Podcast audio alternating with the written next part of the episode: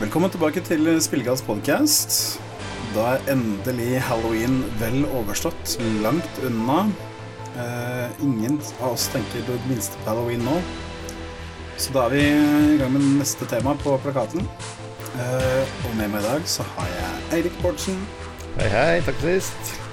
Takk for sist. Og jeg har også med meg Terje Høybakk. Hello. Hello. Hei. Eller ohoi hoi, som det sies. Ohoi hoi, ja. Stemmer. Ja, det, det, jeg sjekka det ut, og det er faktisk eh, i riktig gamle dager, da telefonen var ny, så var det det man sa da man tok uh, løfta røret. Ja, eller- Det var det som for, var for, det var forslaget til han der jævla Graham Bell. Stemmer. Ja. At eh, når man skulle svare på telefonen, så da blir historien dårligere, så ja, det var det alle sa det. Ja, Ahoi, hoi. greit. Greit. Greit. Ja. yes. Ja, god- Nei, men God eh, start. God start. Kjempestart. Eh, Få inn litt sånn beefing og litt uh, krangling med en gang. Det er bra. Ja ja, det har vært for lite av det, egentlig. Jeg har det, altså. Mm. Jeg har egentlig vært altfor lite. Um, nei, men um, uh, Vi kan jo begynne rett på med hva vi har spilt i det siste. Mm. Da tar vi rett og slett det mest aktuelle aller først. For Eirik, du har fått med deg en liten godbit. Ja. Jeg er for en gangs skyld eh, ikke på GamePass. jeg eh, har jo nevnt før at jeg eh, har en sånn Call of Duty-gjeng. Eh, jeg var egentlig litt sånn eh, skeptisk til å Jeg, jeg syns jo de er veldig like. Jeg liker litt sånn mer unike spill, men Hype-toget tok meg nå, altså. Siden den gjengen min var så gira og sånn, og så litt reklame rundt omkring og sånn. Så, så fant jeg ut at Elkjøp hadde sånn tilbud på fysisk versjon, sånn så bare, ja, hoppa, hoppa i det. Så nye Call of Duty er Modern Warfare 2. 2000 og, nei, 2022-versjonen. Fyrte jeg opp i helgen. Ja, for det er viktig å skille mellom dem. For at, eh, jeg har jo også et spill som heter Call of Duty Modern Warfare 2, men det kjøpte jeg for uh, jeg husker ikke, åtte år siden eller sånn nå. Noe sånt, ja. Men det er, ikke, det er ikke det samme spillet, det er ikke remake, liksom. Nei, men det er ikke Men det, det er ikke langt unna remake på en måte, fordi at uh, veldig mye av de samme eh, karakterene som er med, til tross for at de har dødd i den originale Modern Warfare-serien, så har Ah, ja. de liksom bare samme folka er med igjen. Altså, det er faktisk en eh, law som eh, går gjennom eh, hele serien her. Det er ikke bare frittstående spill. jo, Fordi- nei, altså de, hver serie har liksom sin egen law, da. Ja, akkurat. Eh, men den gamle Modern Warfare-serien og den nye, det, det er ikke Dette er ikke en oppfølger, på en måte, fordi at uh, ah. uh, det, og det er ikke en remake heller, for det er en helt annen fortelling. Det er bare Men eh, hoved De er eh, Han er Captain Price, dere mm, med sånn uh, awesome bart, sånn skinnskjeggbart. Han, eh, han er jo i hvert eneste spill, nesten, men han eh, Ja. Ja. Så Men, men. Eh, ja, det kan vi snakke litt om spillet. Eh, det er jo, som seg hører bør, veldig pent. Det er kanskje sånn teknisk pent, da. Sånn eh, kunstmessig så er det jo ikke så Så det, det prøver bare å se så ekte ut som mulig, men de har fått til det ganske bra, da. Eh, Ja. Men de kjører ikke på litt gammel eh, teknologi? Er det ikke litt utdatert, den spillmotoren de bruker? Det kan godt hende. De har fått til å utnytte den godt, i hvert fall. Eh, Mm. mulig Jeg har ikke spilt så veldig mye sånn Powerhouse-spill i denne um, konsollgenerasjonen ennå, da. Så mulig jeg bare ikke er vant til hvor bra ting kan se ut. Men jeg har i hvert fall blitt ganske imponert av dette, da. Ja. Um, veldig sånn detaljnivå på ting. Har Um, du spilt uh, Doom Eternal, forresten? ja, det har jeg. Men uh, på forrige generasjons maskinvare, da. Ja, ok, ok. Ja. Jeg, bare, jeg, bare, jeg bare tenker altså Doom Eternal spilte jeg med raytracing, liksom. Og jeg tror eh, jeg har liksom Å nei, nå blander jeg. Det er bare bilde på huet. 2016 jeg har spilt. Jeg har ikke spilt Eternal. Okay, Sorry. ja. Ja. Nei, stemmer. Jeg, bare, jeg har et sånt bilde opp huet at uh, Cold Duty er liksom ikke helt der ennå. Nei. Men eh, jeg vet ikke om det stemmer. Nei, altså, det skal sies at eh, denne generasjonen så har jeg vært mest litt sånn på indie-kjøret, da. Så jeg har ikke ja. prøvd så mye av de der største Powerhouse-spillene uh, i det siste. Men jeg, jeg, jeg syns det ser jævlig bra ut, i hvert fall. Ja, ja. um, Har det skjedd mye siden eh, Eller på ti år, da? I ja, den serien der? det har jo det. Eh, jeg, skulle, jeg har ikke spilt så mye singleplayer, jeg har spilt mest multiplayer. Og det er kritikk til Det er spillet sin skyld, faktisk. For når du Spillet tar jo 150 gig eller noe sånt. Uh, Ja. Så jeg lasta ned, trodde jeg var klar uh, til å spille. Og så når jeg skal starte singleplayer Nei, du må laste ned singleplayer-DLC-en. For Ja, selvfølgelig. Ja vel, ja. Altså, det, det koster jo- ikke penger. Det var jo, Nei, Men men det det, er jo- det var en sak på det der at når du kjøper den plata, så får du med 72 megabyte. Ja. Det er eh, Ja, jeg så det der. en PNG eller sånn noe, og så må du laste ned absolutt hele spillet. Det er ingenting på plata. Og det, det, tro- det hadde jeg fått med meg, så jeg hadde forberedt meg på det. Jeg hadde, f- før jeg kjøpt, Mens jeg var på Elkjøp i butikken, så, og kjøpte, så gikk jeg på mobil og startet nedlastingen, for det kan du på Xbox selv om du ikke har kjøpt det. Så tenkte jeg ok, nå skal jeg være klar. Og så etter middag sånn, satte vi for spillet, og så var Nei, uh, singleplayeren følger ikke med i selve spillet. Det er kun multiplayeren som gjør. Ja, for det er multiplayeren folk er interessert i der. Ja, det er jo tydeligvis det, da. Ja. Men jeg merker altså Dette var en sånn gammel mann-irritasjon. jeg, jeg vil liksom spille singleplayeren først, da. Akkurat. Det er vel ikke noe forutsetning det, akkurat? er det det? Nei.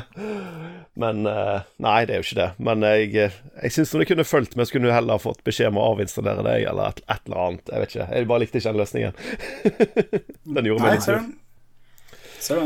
Eh, men ja, det, det lille jeg har spilt av singleplayeren, da, uh, det er det er akkurat sånn som Call of Duty alltid har vært. Jeg har lyst til å spille gjennom den, fordi jeg syns de der, noen av de her kule De er over the top uh, James Bond James Bond på sitt beste bane, når det er sånn biljakt og sånne ting, syns jeg ofte er kule set pieces. Men der vanlige sniker gjennom en bane og run and gun og, og breach deg gjennom dører og sånn, syns jeg er ganske uinteressant, egentlig. Ja. Så Ja. Eh, ja, så jeg har ikke kommet til de kule delene av det ennå, da. Uh, regner med det blir litt sånn over the top og uh, noe sånn der skyte fra himmelen-greier og sånne ting etter hvert. Ja. Det du, det du sier der, er litt sånn eh, spesielt. for at Det, det pleier å være sånn med spill nå at eh, det er veldig sånn frontloada. ikke sant? Altså det, Alt det kule kommer på starten, og så er liksom slutten er mer som plankekjøring. Men jeg har lest at uh, kritikken mot enspillerdelen i nye Cold Duty er at uh, det er drita kjedelig til du kommer til omtrent på slutten. Da begynner det å komme Ja, det De snakker om biljakter og litt sånn forskjellige ting. Ja. Så det høres litt pussig ut, da. ja det er rart. Jeg syns foreløpig er det Ja, jeg har spilt i to-tre første levelene, og de er drita kjedelige, egentlig. det er bare sånn OK, dette har jeg spilt tusen ganger før. Ja. Eh, ja, eh, vet du hvem eh, Glenn Morshower er? En Det er ingen bilder. Nei, jeg visste ikke hvem det var før jeg googlet han, jeg heller. Fordi han er alltid militærgeneral i veldig mange filmer. En sånn okay. fyr med eh, sånn måne og krans. Uh, han er selvfølgelig generalen i det spillet her òg, da. Så Jeg syns Ja. det var litt sånn gøyal detalj. okay. Er sånn Listen up, soldier! ja, litt sånn. Ja, det er liksom den stilen der. Ja. Ja. Ja, så det er eh, De er fortsatt litt sånn America gung-ho, eh, de Ja, veldig. spillet her. Ja, ikke sant. Veldig. Det er, det er samme Det er akkurat samme Altså, den stilen er Det er de her Modern Warfare-spillene for ti år siden. Det er sam, akkurat samme greia, uh, egentlig. Ja, så de er, de er egentlig ikke mer moderne, selv om de måtte ha en ny mo- modern serie. Nei. Sånn, sånn Eller, jo, de, de prøver. Jeg kan jo snakke litt om å, å, å bruke det inn i multiplayeren. Ja. Tidligere i multiplayeren så hadde du en sånn um, equipment som het EMP, som uh, brukte for å disable uh, elektronikk og sånn, da. Er det noen Ja. som vil gjette hva det, den nye versjonen av det er? Uh, er det DDoS, sikkert? Ja, det er det. Du har en. DDoS-granat. Ah, nei, en DDoS-granat. Jeg bare tenkte, hva er det mest klisjerte du kan komme på som erstatning for en NP? Tenkte ja, DDoS. Ja. Du måtte, måtte le litt når jeg Ja, så det. det, det sier nok litt om hvor lang tid de også brukte på å komme på det. Det er bra, de, det er bra at de fortsatt får klemt litt uh, saft ut av den steinen. ass. Det er- Ja, ja, ja. Ja, ja. Altså, Kreativiteten egner ikke, ikke godt tørr, det er godt å høre. ja. det høres ut som det her, den serien her fortsatt bare er samlebåndsproduksjon, spør Ja. meg. Det, men det, altså det er jo tydelig lagt veldig mye arbeid i det, eh, men det er Altså, det er jo Det er jo veldig stilig å se på sånne ting, da, men det, det, er, jo, det er jo det samme. Altså, det er jo det er på en måte Fifa for shooters, på en måte. Ja, ikke sant. Eh, Det var litt derfor jeg beit på, siden de har på en måte sagt at det kun skal bli ett Vi skal ikke lage noe spill neste år.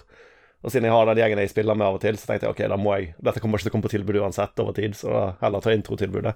Ja. Um, Mm.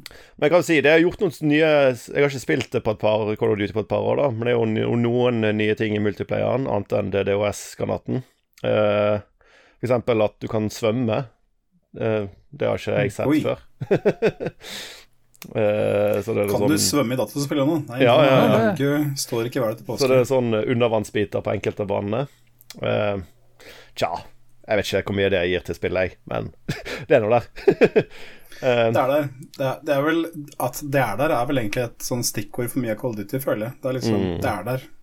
ja. Sånn er det bare. Og så den, den Nei, så store det- ja.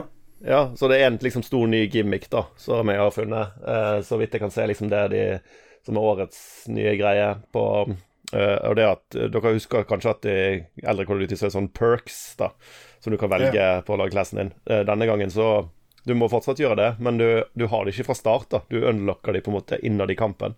Så alle starter på relativt med relativt like egenskaper, og så etter hvert så blir du mer og mer spesialisert i løpet av kampen. da. Så, Ja, så hvis du bruker mye salt rifle, så blir du bedre på salt rifle, liksom? nei, du må velge på forhånd hva du har. Uh, okay. uh, så Ja. det er jo de samme gamle, sånn at du kan unlocke killstreaks fortere og sånne ting. Uh, og, eller at skrittene dine høres mindre ut, eller at du ikke dukker på radar, eller et eller annet sånt. ting. Men um, du får de ikke, da, f- før du har drept så og så mange, liksom. Ja, ok, greit nok. Så det er Ja, ok, greit. Så, men jeg, jeg vet ikke hvor mye det gir til multiplayer. Nei, men jeg, jeg koste meg nå. Altså, jeg sa jo at jeg hadde ikke så veldig gøy eh, Jeg syns det er ganske kjedelig i singleplayeren. Uh, men um, multiplayeren har jeg Jeg vet ikke, Kanskje bare lenge siden jeg spilte. Det er ikke så mye nytt. Det er det som det alltid har vært. Men jeg, jeg hadde Ja. noe gøy. Ja, ja. Ja. Det kan jo hende fordi at folk ikke har blitt så gode i den, da, at det er ny, siden det er helt nytt, at jeg kommer inn med de, de nybegynnerne. Og det, det er gøy å drepe folk. Yes. Det er gøy å drepe folk, det kan vi lære av Cold Duty. Om, uh, om jeg og Trygve ikke høres så veldig begeistret, så kan det være fordi at ikke vi er spesielt fan av den serien. Nei, altså det, Jeg skal ikke si så mye. Jeg har kjøpt noen Cold Duty-spill, ja, men det er lenge siden nå, altså. Det, er, eh, det forrige jeg kjøpte, var eh, Black Ops, tror jeg. Det første. Ja. Ja. Så det er Jeg prøvde for så vidt å spille det igjen her for ikke så mange år siden. Jeg klarte det ikke. Eh, Første brett så er det et sted hvor du eh, Du eskorterer en eller annen løk, og så må bare ikke han bli drept, da. Og uansett hva jeg gjorde, så bare løp han rett foran og ble drept hver eneste gang. Så jeg vet ikke om det bare har eh, blitt ødelagt med tida, eller hva som har skjedd, men det klarte jeg i hvert fall ikke. Så da ga jeg faen. ja. Mm, Akkurat. Nei, altså jeg hadde nok ikke kjøpt det. Jeg heller hadde ikke vært for det at sosiale aspektet med det. At jeg har venner som spiller det. Så Mm. at det Men det er jo kos nok, det. Men ja. Yeah. ja. Yes. Det kan du si bare en ting, annen ting med Call of Duty som jeg på en måte har fått avsmak for, er det at eh, de er veldig sponsa av eh, våpenleverandører. Og, Oi. Er de det? Ja. Ja, ja. Det er derfor det er så detaljerte våpen i spillet. For at eh, de har lisens fra, fra våpenleverandørene. Og det er liksom det at de mm, Altså, det er, det er flere spillserier, ikke bare Call of Duty, som er gira på det at de, skal, de selger inn krig, da. Mm. Det er jo Militæret er med på laget. De får uh, digitalisere utstyret sånn nå, og de får liksom passe på at alt blir korrekt og sånne ting, slik at eh, de unge mennene som spiller dette her, skal tenke at fy fader, kult jeg å drepe folk. Nå skal jeg verve meg i militæret for å gjøre det på ordentlig.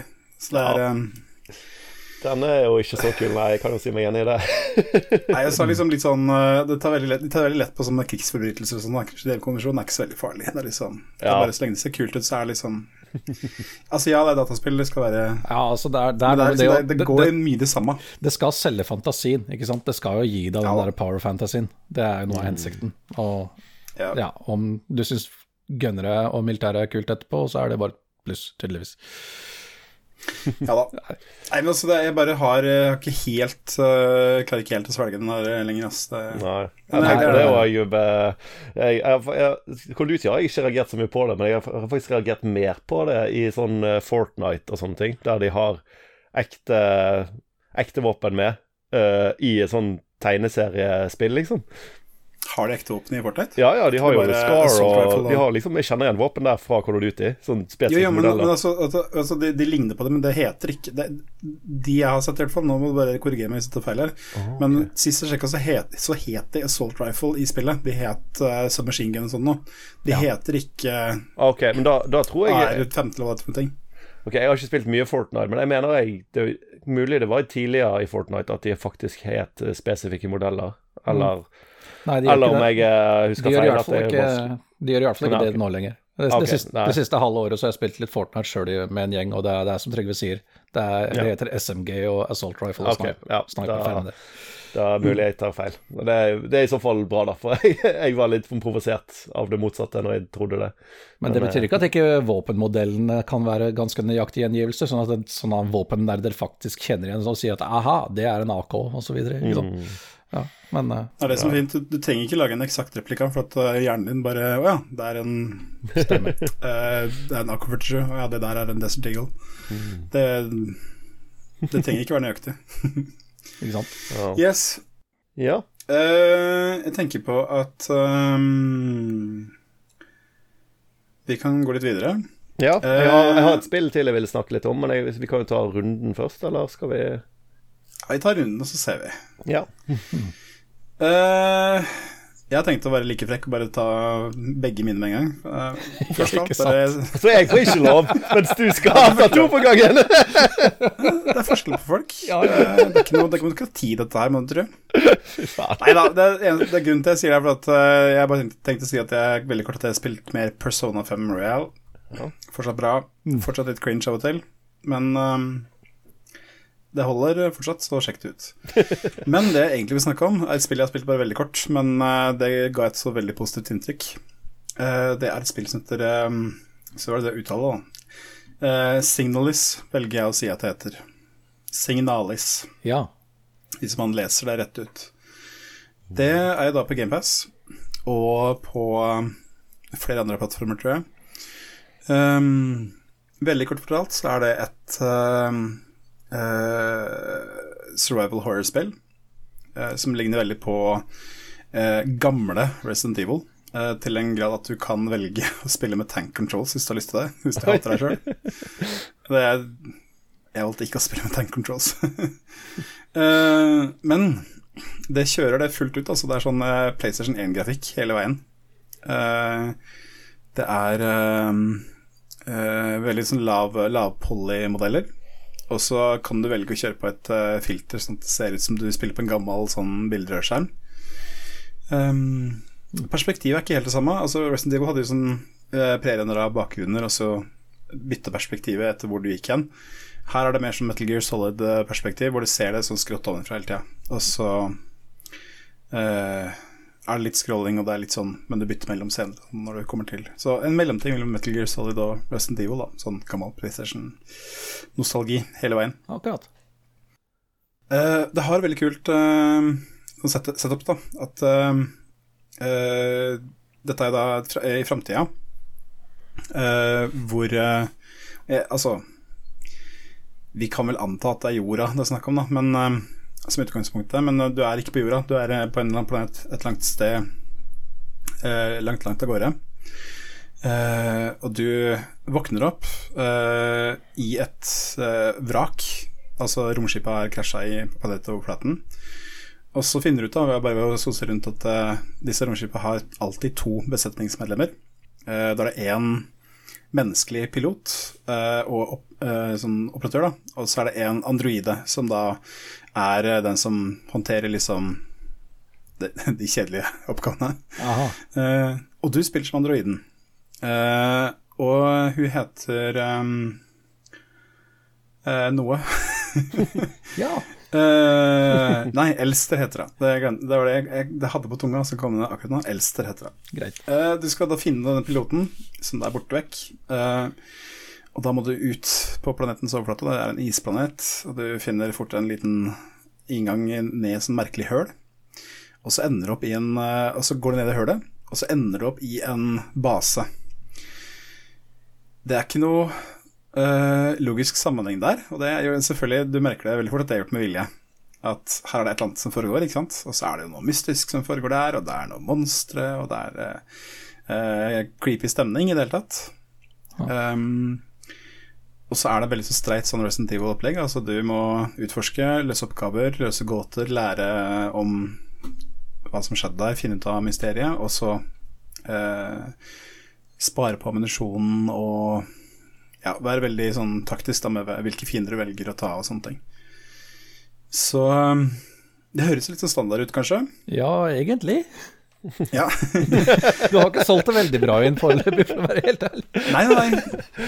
Så, ikke så da, nå, kommer, nå kommer innsalget. Ah, det, selvfølgelig okay. det er det at uh, Hvis du tenker, uh, tenker på uh, stemninga i Silent Hill, Ja. så vil jeg si at vi er i den kategorien her.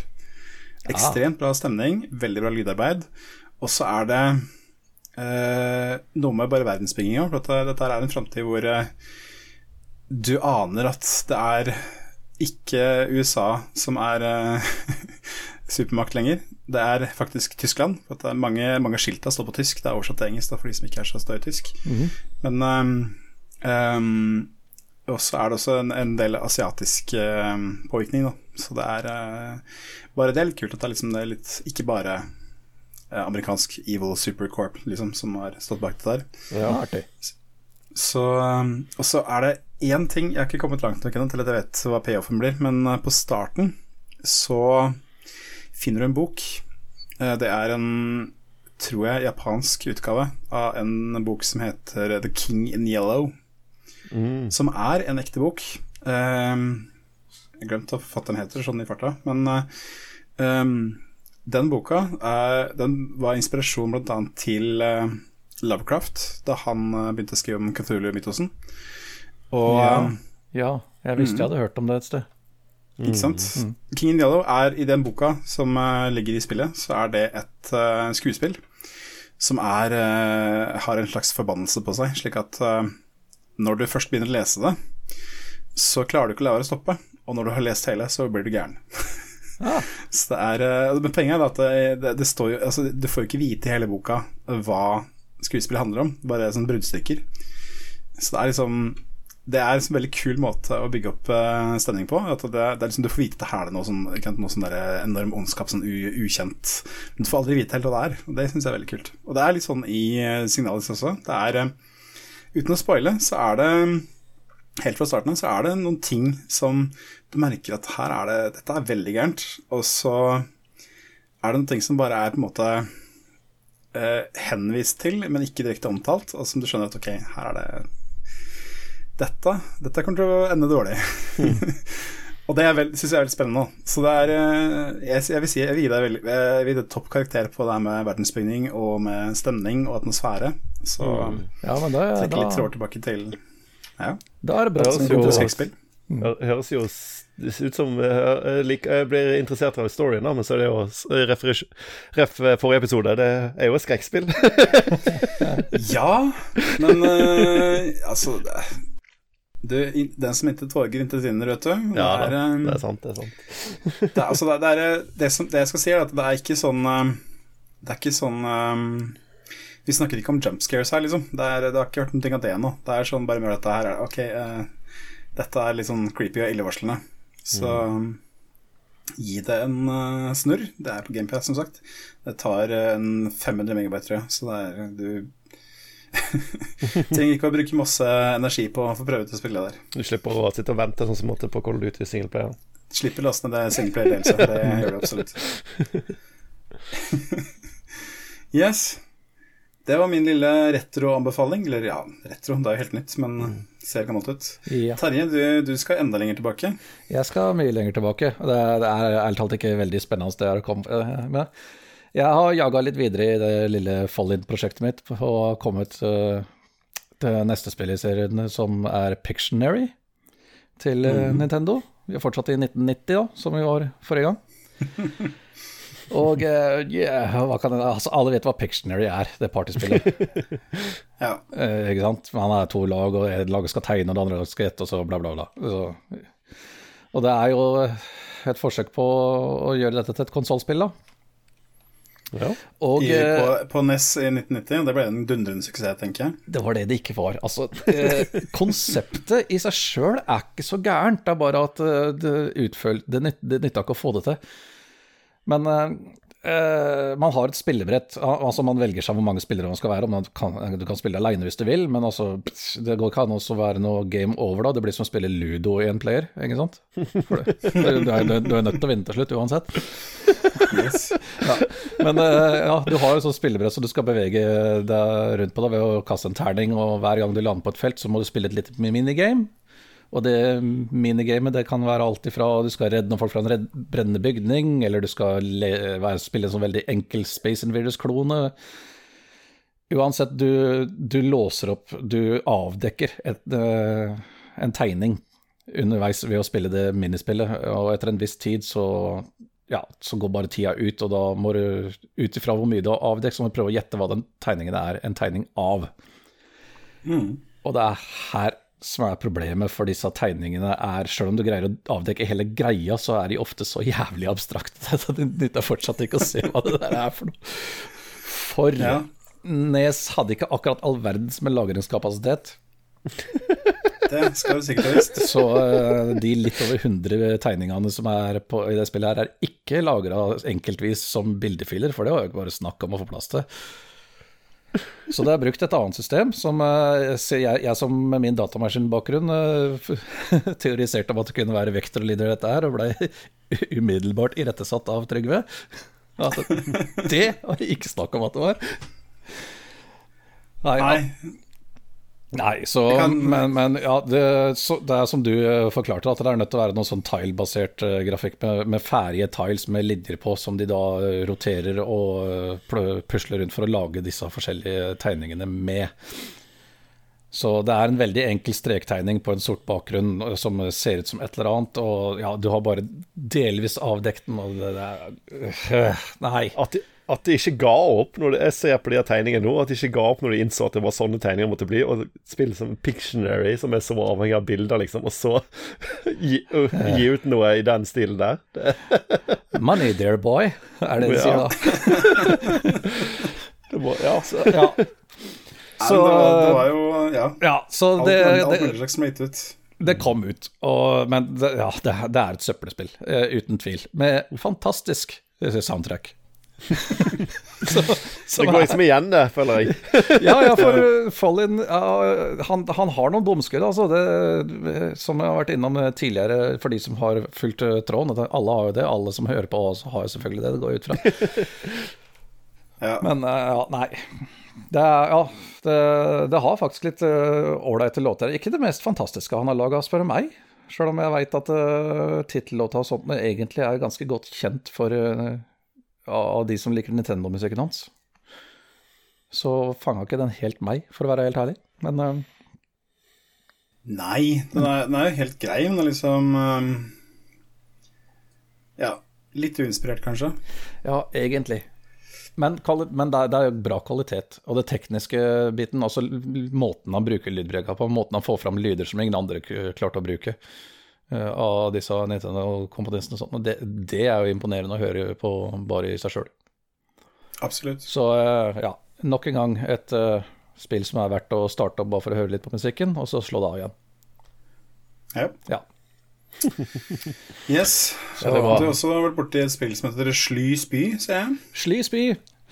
Sly Spy altså, Ja, det må være navnet til figuren, altså, må det være, for det heter jo Sly Spy Secret Agent. Akkurat. Så eh, slu spion, hemmelig agent. Eh, altså hva Sekretagent. Ja, sekretagent, ja. Det er nettopp det der. Mm. Eh, det er jo et arcade-spill fra 89, egentlig, som eh, disse her Software Creations fikk i oppdrag og så portet til en, haug med disse forskjellige dataplattformene. Og eh, ja, og Tim Fallin var involvert i Amiga-porten, og bare den. Mm. Eh, sammen med broren, faktisk. Det var Tim og Jeff Follin som, som sammen skrev musikk til den. Men eh, selvfølgelig, det her er heller ikke et bra spill. Da- Jeg digget det. Jeg elsker det spillet der. Jeg husker Gjorde jeg det? spilte på en sånn ferge eller noe sånt, og jeg syns det var Men jeg, tenk, jeg var kanskje åtte, da, men jeg, jeg syns det var Ja. så kult, det der å hoppe fallskjerm og skyte. Og. Ja, det, det jeg tenker på, er at det har, det har nok ikke helt tålt tidens tann. Det er vel, er vel riktigere å si. Men da det kom ut i 89, så var grafikken bra. Det var store sprites, og det var liksom Ja, det var hele den der James Bond-estetikken. da, Ja, det, dette spillet løfter veldig mye fra James Bond. Ja, det, ble, Og- det ble gitt ut på Switch for en to-tre år siden, og jeg spilte gjennom det på nytt. Ja. Eller- for første gang, da. Jeg hadde jo aldri råd til å spille gjennom det som barn, selvfølgelig. Mm. Men det var mye lettere med uendelige credits. Så ja, det, det, det, ikke, det har ikke tålt Jeg er enig, det har ikke tålt tidens tann. Nei, for det er, det er et eh, veldig enkelt spilt eh, sånn gameplay-messig. Selv om det byr på en del forskjellige gameplay-stiler, da. Altså, det starter jo med at du faller i, hopper i fallskjerm og skyter fiender i lufta på veien ned. Og så er det noen run and gun-segmenter, det er noen undervannssvømmesegmenter, det er en motorsykkelsekvens og sånne ting. Problemet med Amiga-porten er at eh, ja, den er jo ikke laga for Amiga engang i det hele tatt. Den er opprinnelig Atari ST-porten, som bare så igjen er porta til Amiga. Og det er med lite hell, for å si det pent. Den er teknisk ubrukelig. Det, er, det, er sånn, det er sånt som vi tok og kvessa høygaflene våre for eh, når folk gjorde. Er det, flick, er det flickscreen, eller er det ordentlig med scrolling? Det er eh, scrolling, det er det. Okay. Men jeg tror faktisk, eh, siden den bruker Atari ST-koden, så tror jeg ikke den bruker den innebygde hardware-scrollinga som Amigaen egentlig har.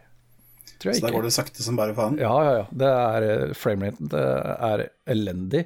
Grafikken er fortsatt relativt fin, altså, men uh, animasjonene består jo stort sett bare av to frames. At uh, figuren står i én posisjon, og så gjør det et eller annet, og da står den bare plutselig i den andre posisjonen uten animasjonen fra den ene til den andre stedet. Og det er bare både figuren din og fienden og alt sammen. Det. ja. Det er akkurat det man forventer av en Amiga. Ja. Det er At det Ja, er ikke sant? dritdårlig animasjon og få farger og ræva scrolling. Skal, vi, skal vi holde på et kvarter med det, eller?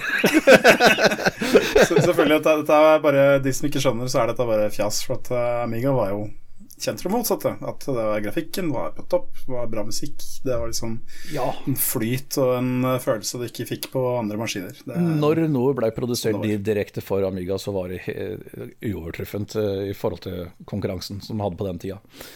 Absolutt. Ja, men, eh, og det kommer vi kanskje tilbake til seinere, ser jeg lista mi her. Men, ja. Ja, kanskje. så ja, det var i grunnen alt jeg hadde denne gangen. Ja. Da, Erik, skal du få lov til å ta Ja, som endelig. kronen på verket. ja. Får jeg lov likevel, altså. Ja. Selvfølgelig har du det. Ja. eh, ja. Nei, jeg har også spilt eh, Jeg fant du skulle dra fram den der SNES Mini, den der minikonsollen, eh, i helgen, og spille eh, Lion King igjen. Uh, ikke fordi dette passer egentlig til temaet denne uken òg, så kunne jeg egentlig like gjerne snakket med i neste spalte. Men eh, eh, det var et av favorittspillene som barn. Jeg spilte på PC, da. Så det er jo bare Løvenes konge. Uh, men eh, jeg må si den SNES-versjonen er ganske mye dårligere enn PC-versjonen. Eller eller ikke mye, en del. Det er, det er litt dårlig grafikk og sånn, og eh, det er en del av hoppene som funker i PC-versjonen, som ikke funker her. Så du, du må gå litt sånn omveier og sånn. Uh, sånne ting. Uh. Jeg, hadde, altså jeg skal være helt ærlig og si at jeg eh, hadde det inntrykket at de spillene var helt like. Men ja, det, det, ser, den, det ser veldig likt ut, men det er små forskjeller. Så jeg måtte google det. Uh, for å se, og det var folk som liksom var 'Den veien jeg pleide å ta, funker ikke', og sånne ting. Så det er visst en greie. Men uh, Ja. jeg kan jo si fort Ja, har dere spilt det, forresten? Jeg spilte Lion King på PC da jeg var liten, ja. Akkurat som eh, mange andre på Ja. min egen alder. Nei, jeg har, jeg har ikke, men jeg har, jeg har sett en god del av det. ja. Så. Kom, kom du gjennom det, Trygve? Eh, det var noen juksekode inni i bildet, tror jeg, så jeg kom igjennom, ja. Ja, for jeg, eh, det var et vanskelig spill, altså. Og når jeg drev og googla om det nå, det er flere Mange på internett som rager over hvor vanskelig det spillet der var. Satt, Det er kjent å være et av de notoriske vanskelige spillene fra den tida. Helt klart. Ja. klart. jeg husker spesielt en sånn foss i den Hakuna Matata-levelen, der det er sånn der um, eh, søy... Uh, um, tre Tregreier som flyter nedover, og du må liksom virkelig memorisere mønsteret på de hopper oppover. Eh, Ja. den, den, tror jeg brukte mange år på å klare. Men det skal sies, han satt. Jeg, jeg kunne mønsteret. Jeg klarte han på første forsøk nå. det, var, det var litt gøy. Det sitter Det i barnefingrene. Det er en god følelse. ja. Men eh, Tja, det, det, altså det er jo en veldig sånn basic plattformer. Uh, du skal stort sett hoppe på fiender. Noen ganger må du brøle på dem først. Så er det korte leveler og sånn. Uh, litt sånn sjarmerende grafikk og sånne ting. Det, ja, hy hyggelig spill. Uh, den, dessverre, da, må jeg si at den Jeg har jo hacket den SNES-minien for å kunne spille dette en gang i tiden. Mm. Ja. Den hacken uh, funka kun tydeligvis på bar den delen av spillet til, fram til du blir voksen. For med en gang du blir voksen, så spratt, uh, spratt det tilbake til uh, title screen. Så jeg kom, ja. fikk Er ikke fullført det, dessverre. Men uh, det, er- det er egentlig barnedelen jeg har uh, nostalgi for, da, for jeg kommer veldig sjelden så mye lenger enn det. Jeg tror jeg har runda det én gang eller noe sånt, men Ja. Sikkert med skoler, det òg. Ja. ja, for når jeg sier jeg har Yes. sett det, så tror jeg det er, Jeg tror jeg så en YouTube-video en gang som gjorde en sammenligning av alle versjonene. og Satt, satte de opp mot hverandre og sånt. Og jeg husker da at konklusjonen var at det er en som er den versjonen å spille, og en som er versjonen du ikke skal spille. Men jeg, Ja. husker, jeg husker ikke hvilken som var hvilken av, av dem. Nei. Nei, for det er en Megadrive-versjon også. Ja, det er det. Så jeg, jeg ble jo, jeg ble jo inn, må innrømme når det ikke funka på SNES, så ble jeg så innrømme Åh, jeg ser det, det kommer jo en remaster ut av det, faktisk, på uh, Xbox Sånn. Og den koster jo faen meg 250 kroner eller sånn. Det det er litt mye for et uh, SNES-spill. Ja, Disney-skatten må betales, vet du. Ja. helt klart. Så ja, det, jeg nøyde meg med barnebiten, da. Men det var koselig å ta den igjen, altså. Det, det var lenge, lenge siden sist. Ja. Jepp. Eh, apropos minikonsoller, bare en liten eh, aside der. At, eh, I dag så jeg video fra uh, MVG, hvis, for de av dere som kjenner han på YouTube. Eh, Ja. Ja. eh, Modern Vintage Gamer. Mm. uh, som jo er uh, Dimitris Genakis, som da nå jobber for Nighttime med å porte og gi ut nye spill, eller nye utgaver av gamle spill, men som for 20 år siden lagde Homebrew til Xbox. Og han har en video som heter um, uh, du, har, du har antageligvis spilt noen av mine forter til Xbox. Det var sånn der, så jeg, ja, alle de programmene som han har laga, det har jeg på den gamle Xboxen min. uh, I hvert fall. Det, det videoen handler om uh, uh, eh, nye Sega Megadrive Mini 2, heter den, tror jeg. Ja. Det er liksom eh, Jeg tenkte på, altså Minikonsoller var jo en greie for noen år siden. Jeg har en NES Mini. Det er jo for at det var den jeg hadde mest eh, nostalgi for, så jeg kjøpte den til ungene mine. Har også hacka selvfølgelig. Men, eh, Så klart. men eh, det følte jeg liksom at det hadde dødd ut litt, for at det var jo noen dårlige minikonsoller. C64 Mini og PlayStation Mini var vel ikke helt store. Nei, de var sorgen, rett og slett. Dessverre. Ja, ikke sant. Nei, så Det som han ville trekke fram i den videoen, var at uh, Megadrive Mini 2 Det var jo sånn Labor of Love, som det heter. Altså, det var uh, 60 spill, og deriblant så var det 12 Sega CD-spill. Mm. og det var flere spill som ble porta spesielt til uh, den minikonsollen, uh, inkludert eh, Space Harrier 2, som da har eh, eh, Kjørte opprinnelig veldig dårlig på Megadrive, og så har de bare koda om det. Sånn at eh, Oi. Ja. de har hacka inn sprite scaling, sånn som eh, de Arkademaskinen hadde. Det er sånn Jøss. ja, ok. Ja Det er nesten sånn for Beyond. hvis du kjøper den i minikonsoll. Så det er nesten. Men den, eh, den kom vel kun ut i Japan, gjorde ikke den? Eller? Eh, han tar nevnte at eh, den kom, har kommet ut i Europa først, og så kom den til USA etterpå. Ah, ok, mulig Men nei, altså, er- jeg, det har jeg ikke sjekka. Jeg bare Nei. Ja, nei, men det er ikke så ulogisk det, for Megadrive var, fakt, var mye større her enn borti USA. Mye, ja, ja, ikke sant. Det er mulig det jeg har sett, at amerikanere som klagde på at den ikke kom ut der, sånn umiddelbart. Ja var- Ja, altså ikke, ikke at jeg forsvarer å drive og kjøpe minikonsoller, for det er jo grensa hvor spennende det er, da. Men det er liksom uh, Nei, men det, det, er bare, det er kult at man på en måte har den eh, entusiasmen for det fortsatt, da, tenker jeg. At det, her For- finnes det faktisk folk som gidder bruke masse ressurser på å få det til å bli bra. For, for min del er mye av appellen det med minikonsoll eh, å ha en kontroll som er tilnærmet lik originalkontrollen, og å få det på TV-en uten hassle, på en måte. da At det, det er verdt litt i seg sjøl, kanskje. Yeah. Uh, ja. Men, Det er, eh, det er det at det er lettvint Mm. som er eh, hovedargumentet, tenker jeg da. Altså, mm. jeg tenker at herregud, det er bare å fyre opp en emulator, men eh, jeg gidder ikke det styre med det for ungene mine, liksom, når de skal spille Megaman sånn. Nei, altså disse minikonsollene de er for mannen i gata som eh, får øye på den i hylla og der og da får liksom ah, å, det er shit, den husker jeg at jeg holdt på med, spilte på på 30 år siden. Den, den må jeg ta med meg hjem. Den, Ikke sant? den er ikke for oss som sitter Som kanskje har de ekte konsollene stående i hylla og, Ja. og kan koble de opp. Ja. Skal vi ta en liten eh, review av eh, Amiga Mini, eller, eh, Terje? Jeg kan jo bare åpne det der innlegget jeg skrev på forumet, og så lese, lese det. Nei, vi lar den ligge. Ja, best Men, uh, ja, men vi, vi er uh, Skal vi eh, Skal vi dure videre på eh, dagens tema, eller skal vi ta en pause? Nei, vi tar en liten pause, vel. Helst. ja. Den er god. Da gjør vi det. Jepp.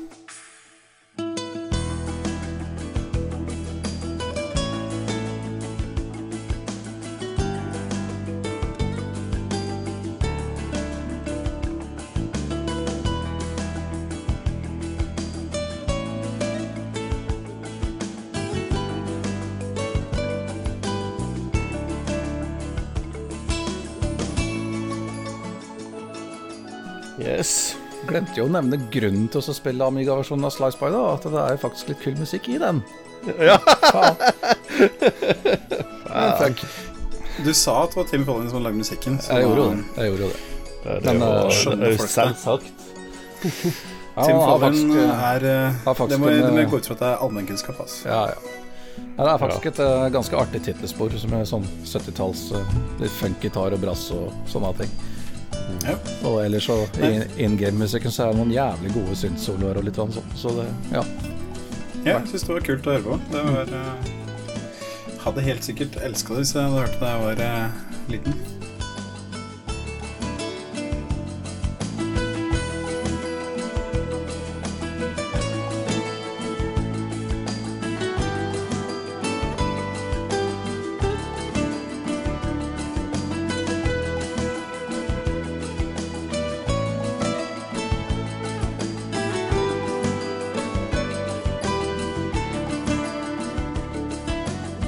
Ja, da kom vi inn på dette med spill og spillmaskiner fra barndommen, og det er jo haha tilfeldigvis også ukas tema. Vi har eh, satt opp eh, dette med spill fra barndommen, favorittspill fra barndommen, og hvordan det påvirka deg nå i videre livet. Så jeg er litt spent på hva dere har lagt dere skrive på her, må jeg si. Hvis vi begynner med deg, da, Erik. Hva Ja. tenker du Hva vil du trekke fram fra dine formative år? Det er et, det er kanskje aller største, tror jeg. Jeg mener jeg husker jeg deler litt med deg. Eh, Du har ikke skrevet det opp, men eh, du har iallfall alltid reagert når jeg har nevnt det i vår spillegal historie. Stunts. Ja, jeg Det var, veldig, det var stort, altså, husker jeg. Eh, veldig stort. Ja. Det er jo da et gammelt bilspill der du det, det har egentlig en veld, Det har liksom ikke noe sånn der progresjon. Du, du start du, en, Det eneste du gjør, er å kjøre et enkelt billøp som jeg tror mener jeg husker bare varer en runde òg. Eller var det flere runder? Jeg lurer på om du stopper Ja, når du kommer i tror jeg mål. du kunne stille på. Jeg er ikke helt sikker, men jeg tror du kunne stille på hvor mange runder det skulle være. Ja, ok. Men i hvert fall så velger du en bil, og så velger du en motstander. Eh, eh, og kan velge alt mellom sånn der eh, brillete nerd som kjører drittreigt og krasjer lett, eller en uh, fyr som er sånn Jesus Nei, um, Elvis uh, impersonator nærmest, men jeg husker som var dritgod. Og Det beste, beste, var, beste var å kjøre en sånn der pissenkel bane, så ga deg sjøl en Lamborghini, og han der Elvis-duden ga deg en sånn kassekjerre eller sånn noe. Så toppfarten hans var 20 km i timen, og så du var i mål før uh, nedtellingen hadde gått omtrent. Ja, så så, det Så, så, får du se at de griner i sine såre tårer da, Ja. at du har slått dem, så det, det er alltid moro. Så eneste er jo bare at du kjører eh, ett løp, liksom, eh, og det er det. Men det som gjorde, gjorde spillet for meg, da, var jo at du kunne lage egne baner. Og Oh, yes. det, og det var egentlig ganske relativt dypt, altså, til å være den tiden. Du hadde veldig mye muligheter og sånn. Um, så jeg drev og eksperimenterte veldig mye med det der. Og ja, så det en av mine store sorger er at eh, den, eh, den PC-en med alle mine kreasjoner eh, røyk, rett og slett. Så jeg, jeg hadde elsket å spille gjennom de banene jeg lagde som tiåring igjen. altså. Ja, så klart. Ja, jeg husker det der, altså. Det er akkurat sånn for meg. Jeg mist, mista de banene jeg lagde, ja. Og det, de som ikke har spilt det, Stans, de vet jo ikke dette her, for de har ikke sagt det, men det, det spillet var faktisk i 3D. Det Ja. var uh, Og Det førstepersons. kom jo Ja, førstepersons 3D-spill, med- altså kjørespill, da. Og eh, det jeg syns var så innmari kult, var at altså, du trengte ikke, sånn, trengte ikke en superkraftig PC for å kjøre det. Det er fra tidlig 90-tall, er det ikke det? Jo. Ja, jeg tror det. 91 eller sånn, tror jeg. Mm. Rundt der. Um, men det så forbanna fett ut, for at det var liksom ehm, Det er jo bare sånn veldig sånn flate polygoner, det er ikke sånn avansert 3D i det hele tatt.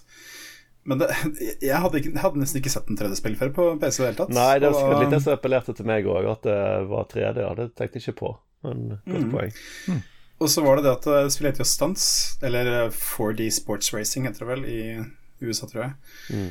Men um, alt det der liksom altså, du, du, For du kunne, når du skulle lage baner, så kunne du legge inn loop, du kunne legge inn korketekke, du kunne legge inn uh, hopp, alt mulig rart, forskjellig rart. Og det var bare å slå seg løs. Så det er Jeg må- stor moro. Jeg må spørre deg, eh, en ting jeg gjorde liksom i min senere time dette år, så oppdaget jeg at hvis du fikk han motstanderen din til å krasje, uh, Ja. så ble han liggende som sånn der brennende ildkule på banen. Uh, prøvde du no, Drev du og triksa med det nå? Fordi Eh, jeg, tror ikke, jeg, tror ikke, jeg tror ikke jeg kom så langt at jeg fikk til det. Nei, for det, jeg, det, det var gjerne liksom bare gi dem en ræva bil, og så et hopp som var umulig å klare med bilen. Uh, for hvis du gjorde det, så Hvis du kjørte sakte inn til han, eh, den brennende innkulen, så var det sånn Jeg vet ikke om det var en bug eller feature, men i hvert fall så ble du slengt til helvete uh, rundt omkring over hele banen, sånn langt, langt opp i luften, da, så kunne du se hele banen fra fugleperspektiv og sånn. Det var, var my mye moro. Oh, yes. Ja. Og så er det, det Det jeg husker så godt, er det at eh, soundtracket var så bra. Altså, det er jo eh, Mesteparten av tida jeg hadde spillet, så hørte jeg bare sånn PC-speaker. Altså det er PC-speaker, for de som ikke vet, det er bare én irriterende pipelyd som er veldig stygg.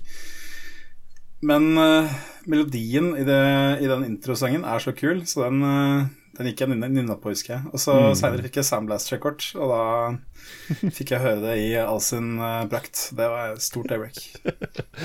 Ja, det er flott spill, altså. Husker dere hvem som utvikla det? Tror Eh, det er um, Jeg det er Broderbund eller noe sånt. Det er utgitt av Broderbund, men Ja, eh, det er utvikla av eh, Er- Digital um, Er det Jeff Crammond? Det er det ikke. Men uh, Nei, jeg skjønner hvorfor du sier det. Altså, det, det, det, det, som- det jeg tenkte skulle nevne, var at Stunts er veldig åpenbart inspirert av Hard Driving og Stunt Car Racer. Stunt Car er, Racer, ja. Det er det jeg ville nevne. Mm. Eksakt. Yep. Det er altså det hvis, hvis du kjenner til Stunt Car Racer, så kjenner du til Stunts. For det er eh, Ja. Ikke en kopi, men veldig nært. Ikke sant. Stunt Car Racer er litt jeg, Det er enten 86 eller 88. Mm. Ja, og så Det har ikke noe eh, sånn track creator, da. Det er bare de, ferie, de åtte ferjebanene som følger med. Mm. Men ellers er det en veldig imponerende 3D-motor for tiden og sånn, så ja. Det høres veldig eh, inspirert ut, i hvert fall. Ja. De som, eh, Jeg husker ikke hva det spillselskapet heter, det ble forkorta til DSI, de som lagde Stunts i hvert fall. Og det, de lagde også Ja. Test Drive-spill på rundt samme tida. Ja, stemmer. Jo, jeg husker de. Ja, Yes. ja. ja. Nei, det, det som appellerte meg veldig til meg, var det kreative, tror jeg, altså. Det, det, Mm. det var en ting virkelig som brant for det, altså.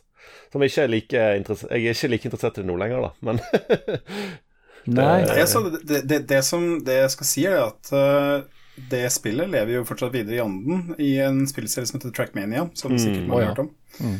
Som er Det er stunts. Bare Definitivt. enda mer raffinert, enda mer polert. Og der, er- der, kan, der er jo hele Altså, hele miljøet er jo basert på at du skal lage pissende dritvanskelige baner og konkurrere på de. Og det er jo det som er Trackmania i dag.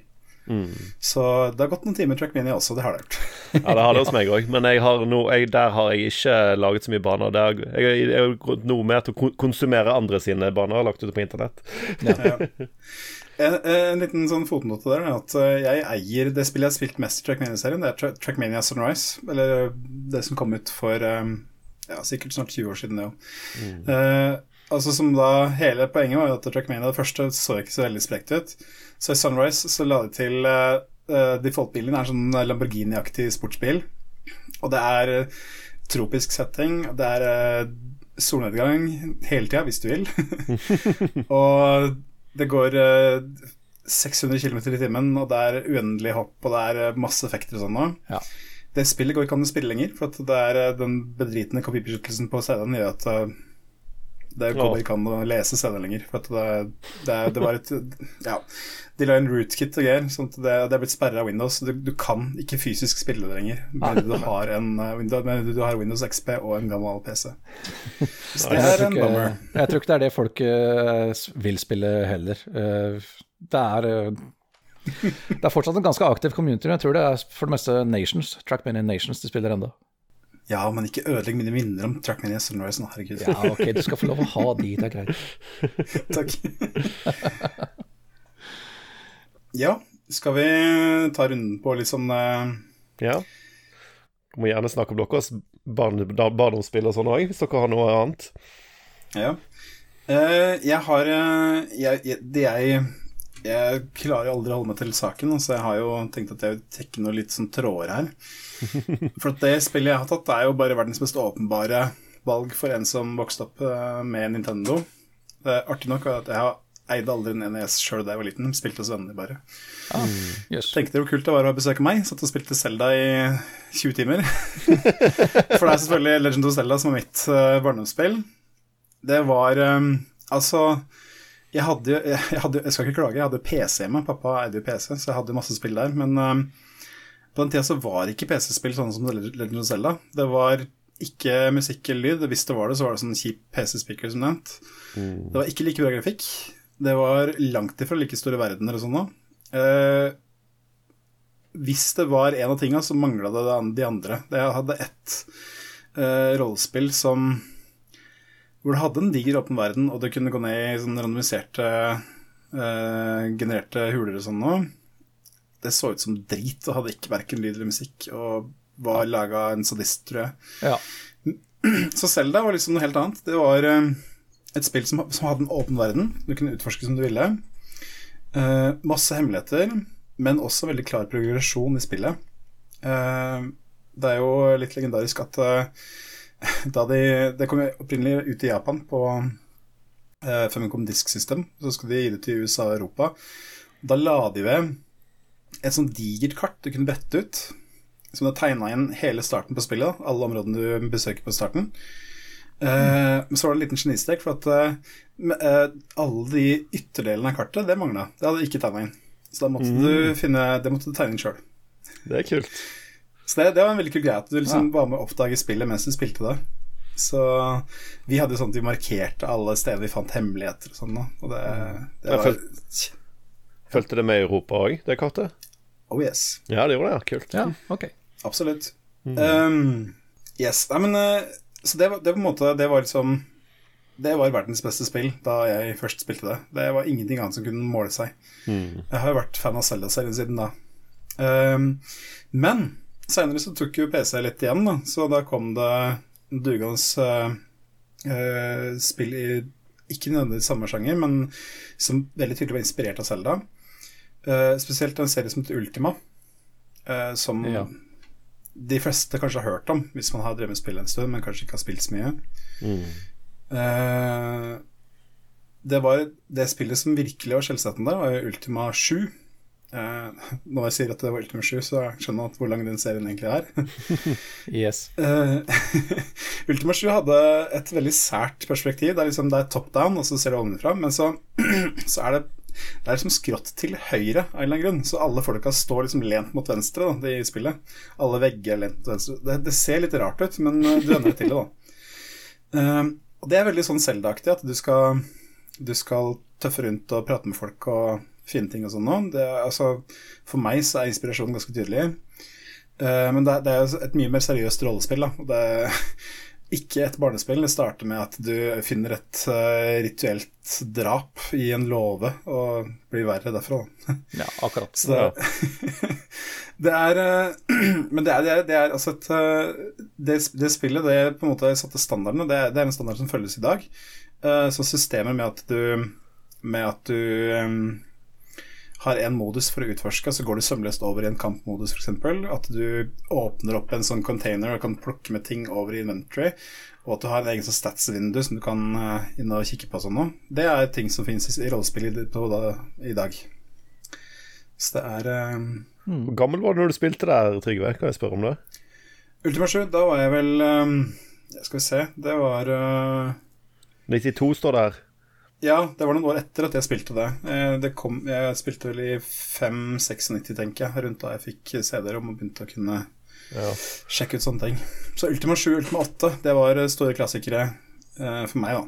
Ja, for de ser jo Du å spørre at det, hadde, dette hadde skremt vettet av meg, ser jeg, når jeg var barn. ja, ja, altså det, det var Altså, jeg vet ikke. altså Jeg spilte Doom da jeg var, eh, ja, det, ja. Og det, jeg syns ikke det var altså, Nei, ikke det var vet ikke, men det der rituelle drap og sånn, det så litt sånn. Ja da. Altså, men det, det, altså, det var veldig laga for et voksent publikum. Det var det. Mm. Um, hvert fall, da. Den derre uh, greia med at du har en åpen verden, kan utforske og sånne ting, det er liksom Det er noe jeg på en måte Det har satt seg i meg, da. Det er noe jeg mm. ser etter i spill. Så etter hvert så ble det forsterka med at jeg spilte System Shock 1 og 2 og Deus X på PC. Eh, da Deus X kom, så var det verdens beste spill. det, det var Altså, det, det er Deus X er jo blitt en serie etter hvert, uh, som nå har ligget brakk i noen år, men uh, det første spillet, altså, det var sånn Det var jo Litt av historien rundt det er det at uh, dette var rundt den tida hvor id Software splitta opp, og John Romero tok med seg noen folk og forma et selskap som heter Iron Storm. Ja. Um, og uh, fikk seg Warren Spector uh, til å designe spill, blant annet. Så John Romero skulle lage sin, sitt ultimate skytespill, som da ble Daikatana. Spoiler, det var ikke det ultimate skytespillet. Fantastisk. På feil måte. ja. Uh, det, mens Warren Spector han tok med seg folk og lagde i Unreal Engine. Brukte, det var et av de første Unreal Engine-spillene. Etter Unreal, selvfølgelig. uh, hvor han da lagde sin uh, framtidsspion, uh, thriller, uh, action, rollespill, åpen verden-hybrid, da. Ja. Som da ble Day 6. Og uh, spiller du i dag, så er det veldig cheesy. Det, er, altså, det var litt cheesy da det kom ut, for så vidt, men det er liksom ganske kjip animasjon og sånt nå. Men historiefortellinga, den uh, eh, syns jeg står seg. For det er, liksom, det er en sånn Det starter med en sånn legendarisk uh, scene som har blitt parodiert mange ganger. Hvor det, liksom, du har uh, bad guysen i spillet som står og bare diskuterer den onde planen sin. Da. Og hvordan alt, går, og, hvordan alt går så bra, de har liksom kontroll over alt og sånne ting. Og så kommer du inn som uh, hemmelig agent i sånn antiterroravdeling som blir drevet av FN som da holder til i ruinene, de utbomba ruinene av Frihetsgudinnen. Bare for å symbolisere litt ekstra på starten her. Stemmer. og så skal du da nedkjempe terrorister, da.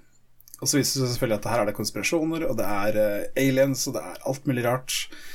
Det er, uh, og du skal over hele verden. Skal til Hongkong, til uh, Frankrike, flere steder i USA og sånne ting. Det er Det var liksom så stort. Det var så innmari Eh, de gjorde bare så mye nytt. Det var liksom helt sømløst. ikke sant? Mm. Du har uh, rollespill og skyting integrert, og du har det der med inventory-system, med rollespillstats, med uh, mod-system og sånne ting.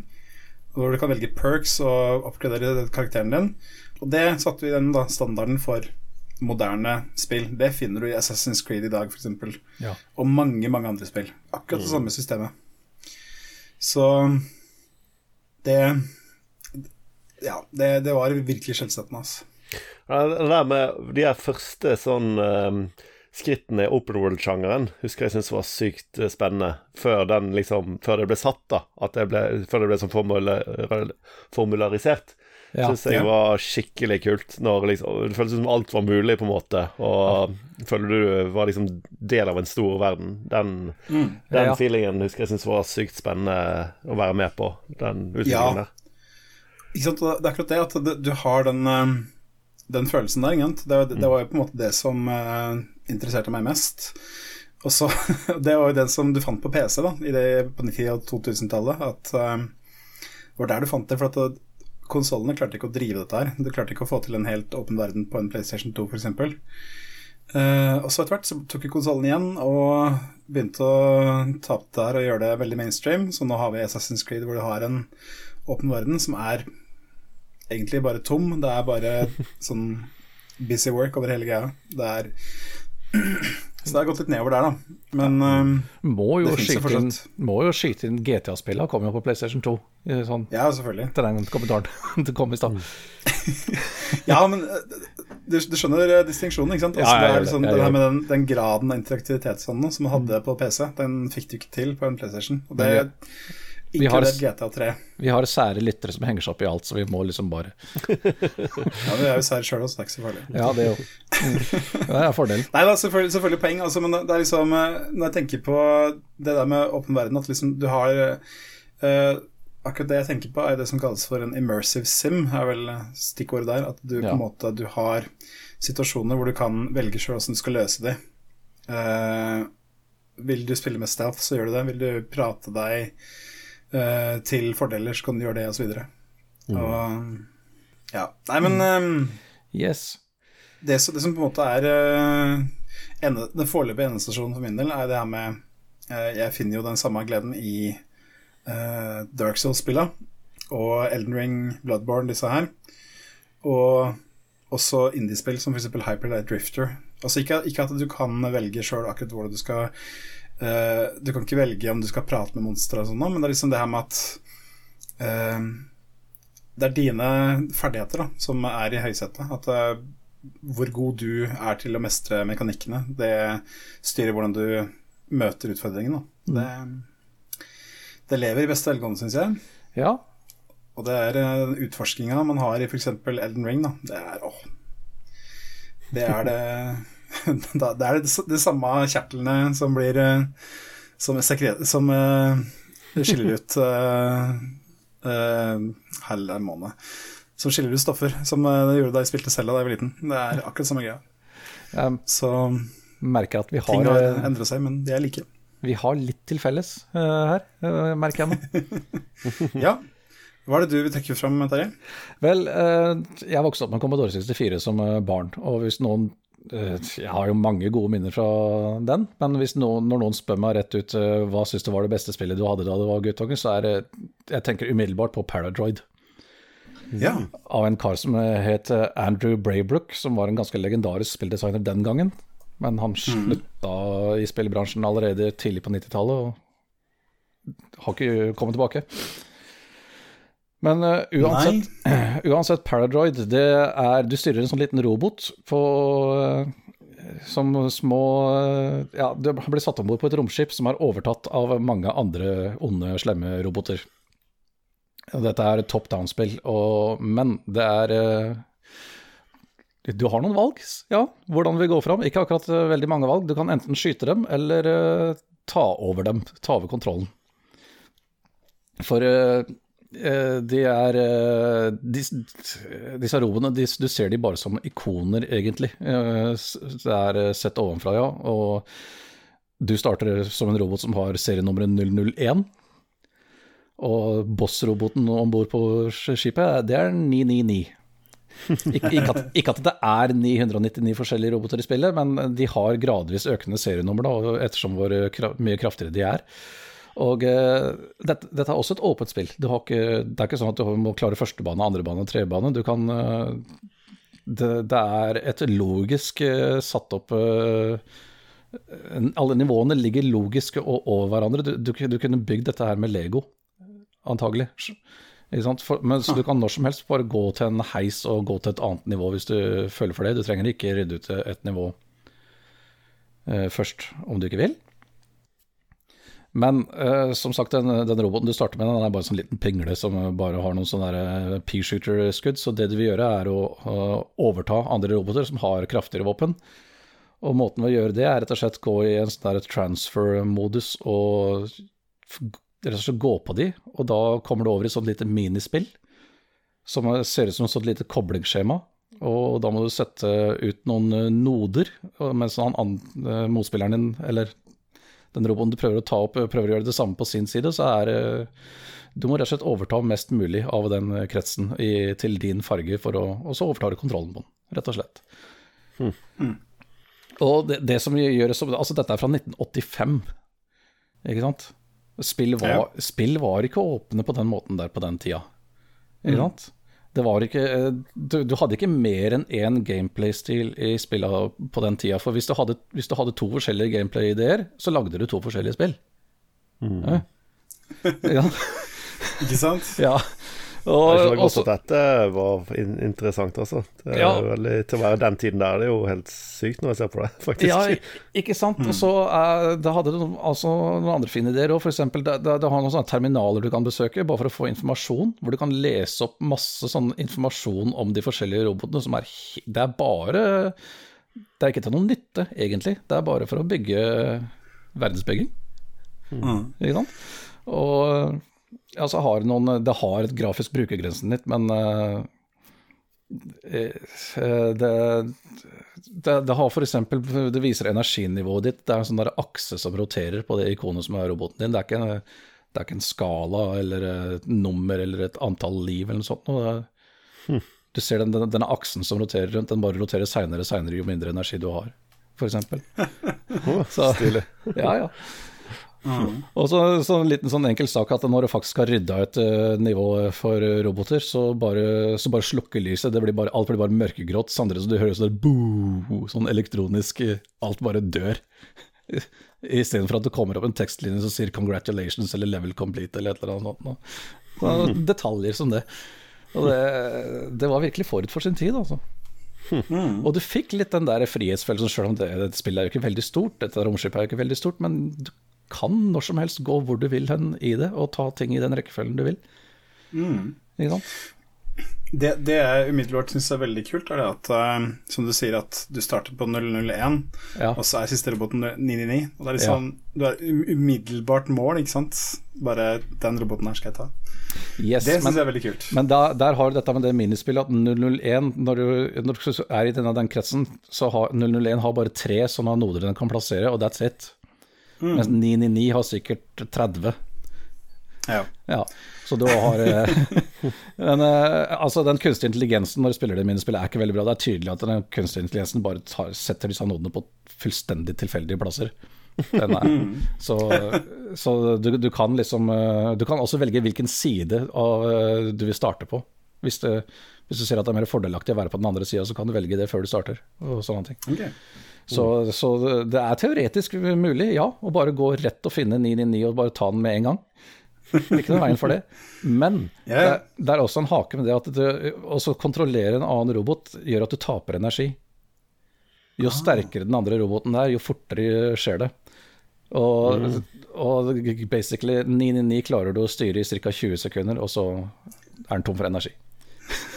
Akkurat. Men, eh, men det er egentlig, den er så kraftig at det er fortsatt måten å ta den på. Bare, bare overta den, og så finne en annen robot å overta så fort du kan etterpå. Skjønner, skjønner. Yes. Ja, men det, det, det, altså det, er, det er sånn spill som tenker at det, det er kanskje ikke like spennende spill i dag, men det er liksom bare interessant pga. hvor bra designet er, da. Jeg syns fortsatt det er morsomt å spille, men det er meg, da. Jeg, jeg Ja, ja. spiller, spiller jo ganske mange spill fra den tida enda, og, og koser meg med det. Ja, ja. ja. Nei, ehm, jeg bare blir uh, tenker på Apropos sånne gamle Commodore-spill, så var det Jeg lastet ned en, eh, en ja, oppfølger, er det vel, som heter Skal vi se Som heter Hyper Sentinel. Det er um, Jeg har glemt hva det, het, hva det originalen het, men det er altså sånn Commodore 64-spill. Eh, Sånn um, Defender-aktig, bare at du flyr over et romskip og skal um, Uridium? laste Iridium er det selvfølgelig. Ja, det, er, det, er, det er samme utvikler som Paradroid. Mm, ikke sant? Det, er- er Andrew Det var det. derfor, derfor jeg kom på det. Så det Ja, er, eh, det er eh, viser det at eh, gå- bra design Det er ikke sikkert det går så fort ut på dato. Det, jeg spilte Hyper Sentinel litt, og det er bare sånn Wow, dette er sjukt bra. Yeah. Sjukt vanskelig, men sjukt bra. ja, jeg hadde ikke tenkt å snakke med om Uridium akkurat, men det, det Ja, er jo bare, du kjenner meg, det blir, det blir noen digresjoner. Ja, ja altså det er, jo, det er jo lynraskt til å være på Commodore 64. Så, eh, En sånn 2D-shooter, som uh, går i forskjellige dimensjoner. da. Ja, altså du, du flyr over ting, men du skyter på ting på bakken, og du må lande et sted. Og så inn og ødelegge en reaktor, og så sånn Star Wars-dødsstjernestil, fly ut av ville helvete vekk derfra mens romskipet eksploderer bak deg, uten å kollidere i noe. Det, Mm. det er faktisk ganske gøy. Jeg ser jo en sånn eh, liten sammen, eh, sammentreff med alle oss, da. At eh, alle de spillene vi nevner, er liksom sånne spill som eh, bare Å, så kult at dette Hva er muligheten her, liksom? At eh, Ja. liksom vi ble sånn fascinert av det, alle tre, egentlig. Men for Ja. å hoppe litt framover i tid, så til eh, 1993, da. Og siden vi var inne på dette med åpen verdensspill og de opplevelsene der, da, min, min første store opplevelse med åpen verdensspill, det var eh, Elite 2. Frontier. Ja. Ja. Å gud, jeg har mange hundre timer i det. Husker jeg feil, eller fikk det, fikk det litt sånn blanda mottakelse? Eh, lite grann, fordi det var folk som bare ikke forsto det. Mm. Altså, av de anmelderne som anmeldte det, så fikk det toppscore. Det, for for det, det blei spilt av anmeldere som forsto hva spillet var for noe, og huska originalen. Eh, jeg, jeg hadde sjøl ikke vært borti or- originalen av en eller annen grunn, jeg ba- bare hadde det aldri. Så jeg kjente ikke særlig til uh, Elite uh, sjøl. Ja. Men ja, altså Elite 2, det, det, det har ingen story, ingen, ingen handling i det hele tatt. Du blir plassert på en eh, romstasjon med et lite romskip, og du har litt penger. Vær så god, ver universet er ditt. ja, og det er det. Yes. Ja. Og det er klart, sånn sett med dagens øyne, så er det ikke forbanna mye å ta seg til der. Men eh, ja, du, du kan eh, være kjøpmann og fly varer fra et sted til et annet med en fungerende eh, økonomi i spillet. Eller du kan være soldat, ta på oppdrag for militæret, du kan være leiesoldat, eh, eller være budbringer. Masse, masse piss, egentlig. Men det dreier seg selvfølgelig da om stort sett å fly fra et sted til et annet og så skyte ting på veien, da. Men, men uh, så har du Det var en veldig realistisk Alt var i, i realistisk størrelse. Planeter, solsystemer, alt. Det var i faktisk størrelse. Og den hadde hele Melkeveien, alle tre milliarder stjernene i, i Melkeveien. Simulerte i hvert fall at den hadde det. Enda godt at den hadde det, altså. Det er Ikke sant? helt vært. Yes. Så det, ja, fytti hengende, det, det, det var så digert. Altså, som sagt, spilte det i hundrevis av timer, og hadde bare Du har jo ikke besøkt en promille av hele universet. Du har jo ikke sjans i verden å noensinne klare det. Det, det. Det var så stort. Og ja. Men selv om det ikke Ja. var noe story eller noe, noe sånt, så, så, så hadde jo spillet hadde jo noe law, uh, hadde jo en setting. At det var en slags kald krig mellom to supermakter og sånne ting som eksister, eksisterte. Og, og dermed så fil noe filtrer jo hodet ditt med dine egne historier, da, mens du satt og spilte, selvfølgelig. Men var det ikke sånn i uh, At det var noen sånn alien-rase du kunne eh, ramle borti, var det ikke det? Ikke i Elite 2. Som den eneste av elitespillene. Så var det det ene spillet som de ikke var med i. Mm. Ja. Stemmer. Så det er liksom den originale eliteopplevelsen min. Da. Når, jeg, altså når, jeg, når jeg spiller disse andre spillene, sånn som Elite, det moderne Elite Dangerous i dag, som da også har begynt å involvere alienraser og, og masse sånn eh, alienkrig og sånt, og det, for, meg så er det helt feil. Det er ikke det, det, er ikke det Elite, Elite handler om for min del, liksom. Det handler bare om å, bare å være en pilot i et lite univers. Eller nei, stort, en, du er en liten pilot i et stort univers som ikke bryr seg da om at du eksisterer. Altså Du kan gjøre kjempesuksess i spillet, ikke sant? bli rik mann, ha det største romskipet og være Du blir jo gradert, ikke sant, og du blir til slutt rangert som elite, da, men eh, Mm. universet bryr seg fortsatt ikke om det. Du er fortsatt egentlig ingen. Ikke sant? Yes. Ja, Nei, altså Ja, jeg skal være helt ærlig og si at min første eliteopplevelse, det var Elite Dangerous. Ja, stemmer. Men eh, det, er jo veldig åpenbart at eh, Elite har jo påvirka enormt mange forskjellige spill. Altså, en suksesshistorie fra senere tid er jo No Man's Sky. Ja. Som begynte med at de lovte gull og grønne skoger, innfridde ikke i nærheten. Og så har de bare jobba videre med spillet. Det nyeste oppdateringen kom jo for noen uker siden, og det Ja. la til masse nytt innhold. Det er jo, ja. Men det er jo eh, en uh, mer pinglete utgave av Elite, da, egentlig. Med, Ja, ja. med, et litt annet fokus. jeg datta No Man's Sky litt da de begynte å fokusere på basebygging og sånne ting, for det følte jeg liksom var uh, litt feil retning for det spillet også å gå, egentlig. Mm. Ja. Men Da, da Da var jeg litt ferdig med No Man's Sky, da, for å si det sånn. Mm. Ja, ja.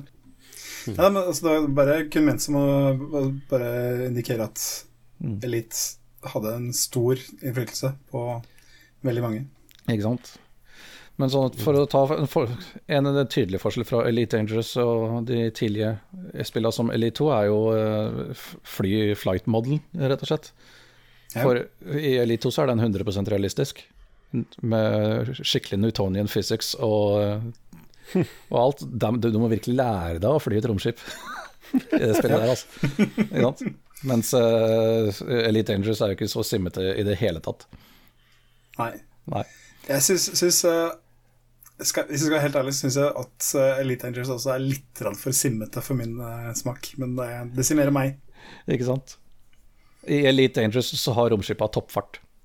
Ikke sant? I, ja. Ute i verdensrommet. Det, det, det, det, er en, det er en toppfart i verden. Ja, ok, greit. Helt realistisk toppfart i verdensrommet. ja. For, for, eksempel. Ja. Men, uh, ja. Jeg liker utseendet på det spillet her. Uh, stilig stil. ja. Jeg husker, altså Elite 2 for min del var, en sånn, var en sånn drøm at jeg skulle ønske jeg hadde spillet da jeg var liten. Mm. Men for fordi jeg leste om det og så bilder og tenkte det er så ufattelig fett. Mm. Tenkte det er ikke godt at, altså, du har falt for dette. Ja. Mm. ja. nei, det er uh, en artig sak. Jeg, jeg hadde jo abonnert på bladet, det norske Amiga-bladet som heter Amiga Forum på den tida. Mm. Og de anmeldte jo spill og ga det terningkast 1 til 6. Og de gikk jo da i den fella at de hadde gitt flere andre spill det året terningkast seks, for det var skikkelig bra spill. Og så kom Elite 2, som bare var helt jævlig mye bedre enn de. så ok, hva faen gjør vi nå? Så de, de, måtte, opp, de måtte, finne opp et nytt uh, terningkast, eller karakter, sånn terningkarakter å gi, som de bare kalte yatzy. så de, bare for å gi den til Elite 2. Og da det bladet ble lagt ned bare et år seinere, så var Elite 2 fortsatt det eneste spillet som noensinne fikk den karakteren. ja. Pussig takk. ikke sant? Det er litt artig. Ja. ja. ja. Yes. Uh, vil du trekke fram noe flere ting du, eller Erik? Eller føler du at du har fått debattert Nei, ferdig? altså, vi har jo Altså, jeg har jo flere spill jeg kunne snakket om, uh, men uh, ja, jeg, ser, jeg, ser, at du har nevnt, uh, nevnt, en som jeg også står mitt hjerte nær. Da. Det er Monster Truck Madness. Ja. jeg vet det er jo samme, samme greia som stunts, egentlig. Ja, der var det jo ikke noe å lage egne baner, da. Men, Nei, men det er bare det å frese rundt i Monster Truck og ta de hoppa og ja, ja, ja, det var... høre den kule musikken og se på den kule 3D-grafikken, det var stort, altså. Ja. Det var kjempekult. Jeg, jo, jeg har jo også skrevet opp eh, Captain Comic, eh, som det var en sånn soleklar favoritt. Men jeg har litt lyst til å spare ja. den til gang Sindre med, for jeg vet han, han nå hadde den som sånn favoritt. Vi finner sikkert en ja. unnskyldning til å prate om det i en annen episode der han er med. Helt sikkert. jeg har spilt masse Captain Comic, men Ja, du har det, ja? Eh, ok, da kunne ja, ja. vi ta det litt, da. Men uh, det, var, det, var, det, var, jo bare at det var det første sånn um, Jeg var veldig Jeg var som deg, hadde ikke Nintendo. Veldig sjalu på alle disse Mar med Mario og sånn. Og så, Det var en liten, liten, smak av det på PC, da, selv om det var jo jævlig mye dårligere. Men jeg elsket det spillet. ja. Kom jeg aldri noe langt, men uh... Nei, ikke heller. Det, men det var bare så kult at det var Det er, det er jo samme greia at der er det så mye utforsker. Ikke sant? Det er mange mm. forskjellige planeter du kan dra til Liksom, da. Nei, men um, vi har jo pratet, Vi har mimret litt nå, men jeg tenker det ønsker meg litt at vi klarer å trekke litt tråder videre også. Så mm. vi har jo sagt litt med det med at um, har eh, spillet du likte som barn, forma deg på noe vis senere i livet? Jeg føler jo at vi har um, kommet inn på det, med at det med åpne verdener og utforsking og sånne ting. Det er jo Føler det er noe vi har til felles? Ja, altså de interessene en hadde da han var liten, så en har, har, beholdt mye av det mm. Eh, videre. Ikke sant? Altså, mm. Det er jo ting vi ikke har kommet inn på i det hele tatt, men jeg, jeg var jo veldig glad i både eventyrspill og rollespill og store strategispill. Ikke sant? Og det, det er jeg enda. Ja.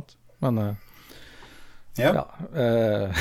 det litt fascinerende er jo at alle av oss er jo litt sånn mindre interessert i de her store åpen eh, verdensspillene som er populære nå, da. ja, men det er pga. Eh, noen av elementene de har introdusert, så det der dømmer av the craftinga, den har jeg mm.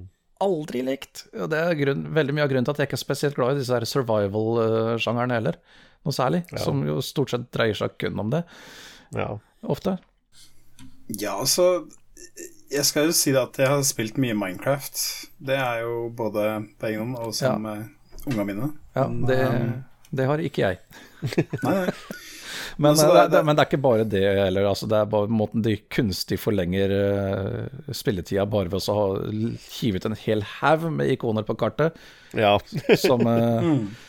Som psykologien min ikke klarer å ignorere, og må gå bort og besøke alle sammen.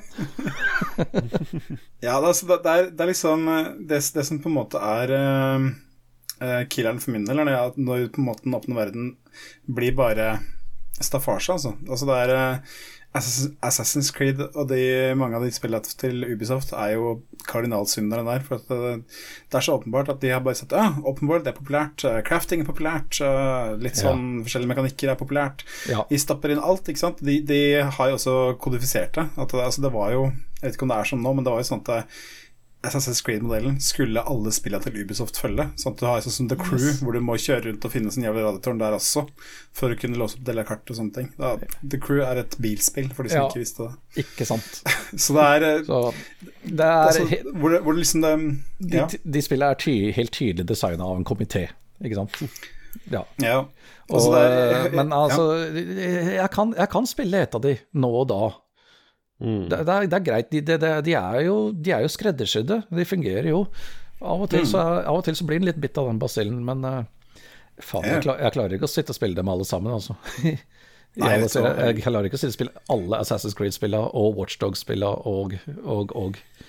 Ikke sant? Nei, det Nei, så det, det- jeg syns på en måte virkelig demonstrerer det, er jo på en måte det forrige Open World-spillet jeg ble fullstendig ekta på. Det er jo selvfølgelig Zelda, Breath of the Wild, Ja.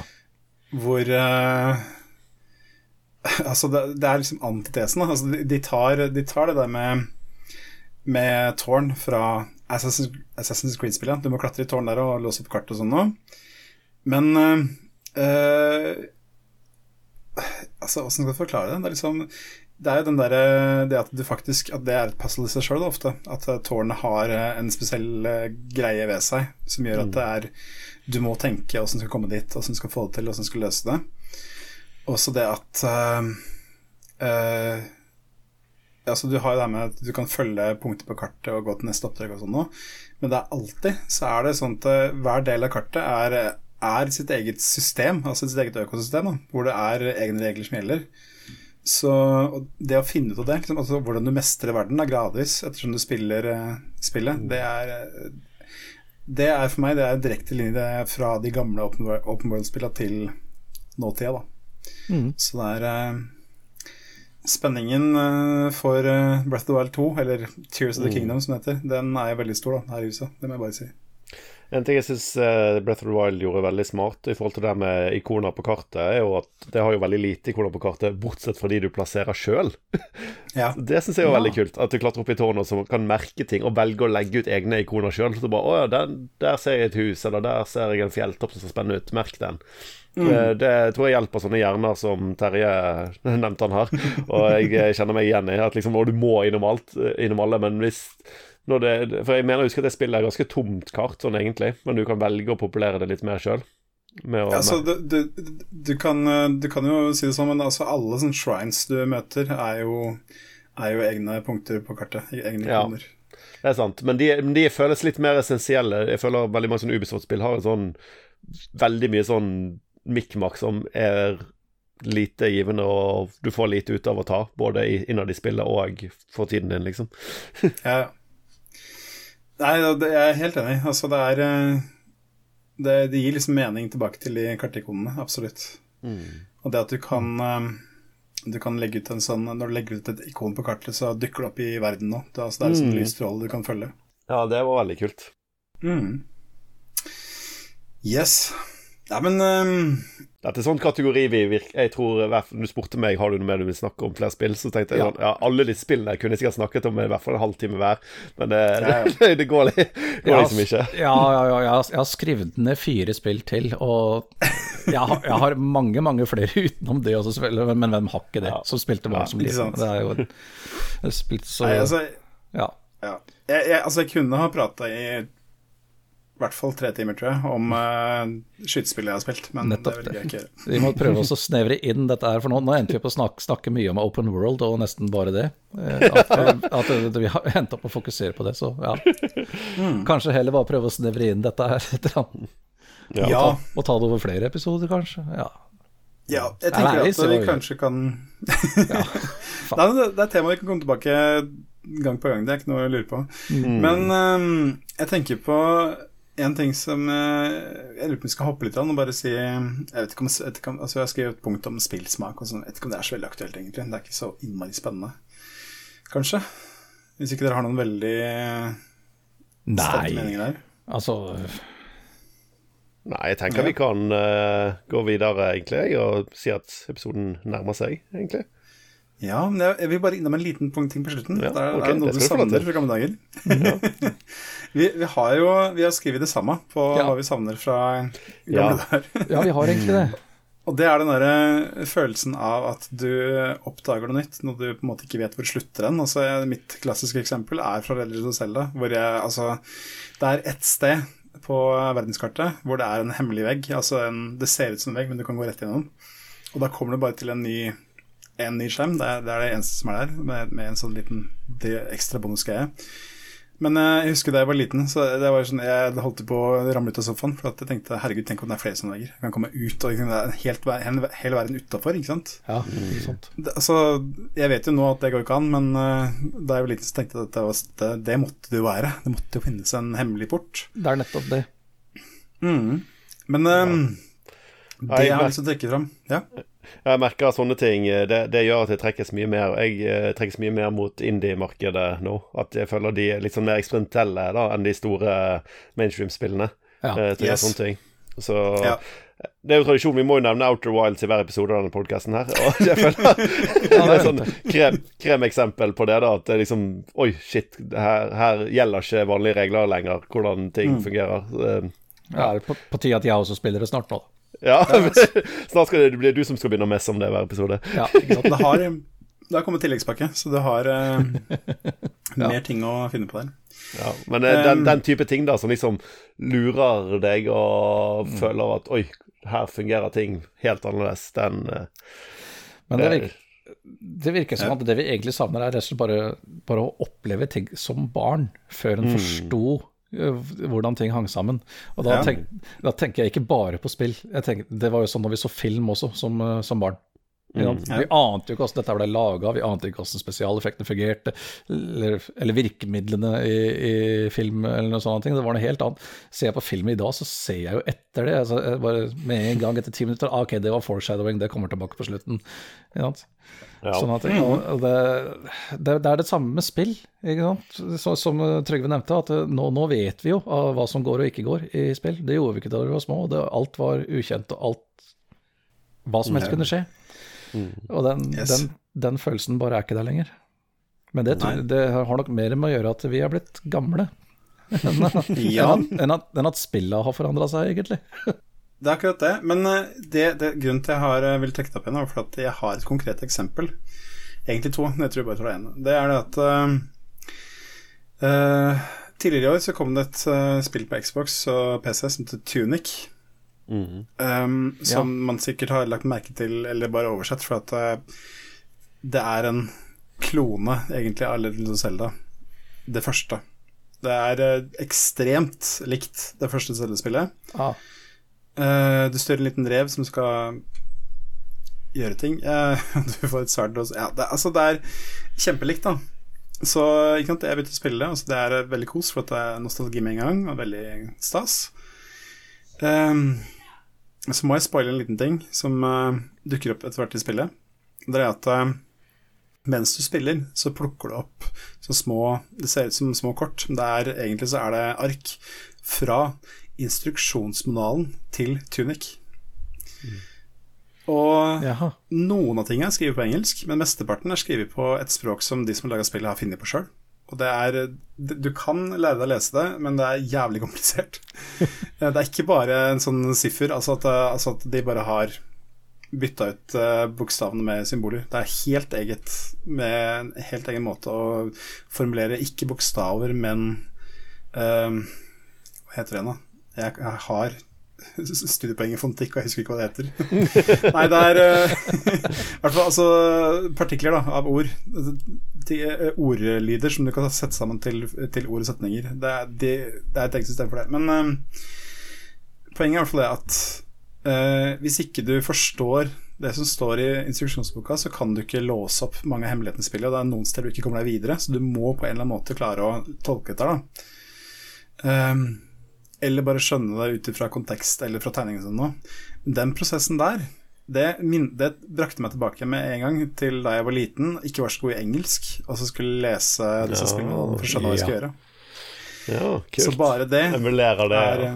eh, Absolutt. Og det, jeg vet ikke om det var tilsikta i det hele tatt, men altså det, det, det føler jeg er et minne som sitter veldig sterkt i meg, og det er sikkert mange andre som ikke har engelsk som morsmål. Yes, Um, absolutt. Jeg satt og, satt og prøvde å spille teksteventyr før jeg kunne engelsk særlig godt. Ja, Ja, det er moro. det var, eh, det var en interessant opplevelse. Veldig. Ja, særlig Nei, så- de Sierra-spilla. De der åh. Ja. Nei, men eh, eh, det som er litt sånn leit med Tunic, er at du kan egentlig ikke Det er sånn spill sånn som Outworld, så du kan egentlig ikke diskutere den særlig uten å spoile for mye. Men uh, jeg får vel si at det er ikke bare den uh, delen der av spillet som uh, som bringer tilbake barndomsminner, altså. Det, er, det gjør mye som Du tror du veit hva spillet prøver å gjøre, og så klarer du å snu det veldig effektivt og lure deg til at Å ja, faen, var det sånn det egentlig var? Ah, Så det er eh, det hvis du, hvis du Ja, hvis du er eh, gammel fan av Zelda, gammel fan av gamle spill, så syns jeg det er noe du burde sjekke ut. Det er på lista over gode spill fra 2022. Ja, ja, ja. ok. Yes, yes.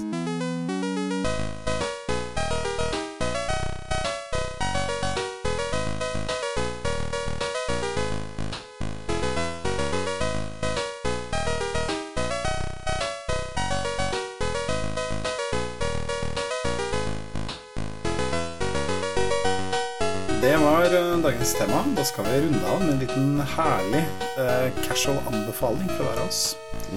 Og eh, nå, nå sparer vi Eirik til sist, tenker jeg. Så kan jeg ta min jeg, jeg har en veldig kjip anbefaling, så jeg kan ta den først. min anbefaling det er å ikke eie bikkje. Ha! Ja, men den er jeg helt enig i. Er det noe eh, historie bak det? Det er historie bak, selvfølgelig. altså det skal, det skal sies at eh, jeg eier katt. Og um, mine svigerforeldre eier bikkje. Eh, De skulle på tur her for noen uker siden, og da måtte noen passe bikkja, da, for de kunne ikke ta med seg bikkja. Så da ble det vi som måtte passe bikkja. Og når du da Hvis du Altså Når du har ei katte, og du plutselig får inn ei bikkje, og den bikkja ikke liker katter, og den bikkja ikke klarer å være løs, øh, og den bikkja må den gå som tur med, og klarer seg ikke sjøl. Sånn, Herregud, så glad jeg er for at jeg har katt, ass. Ja.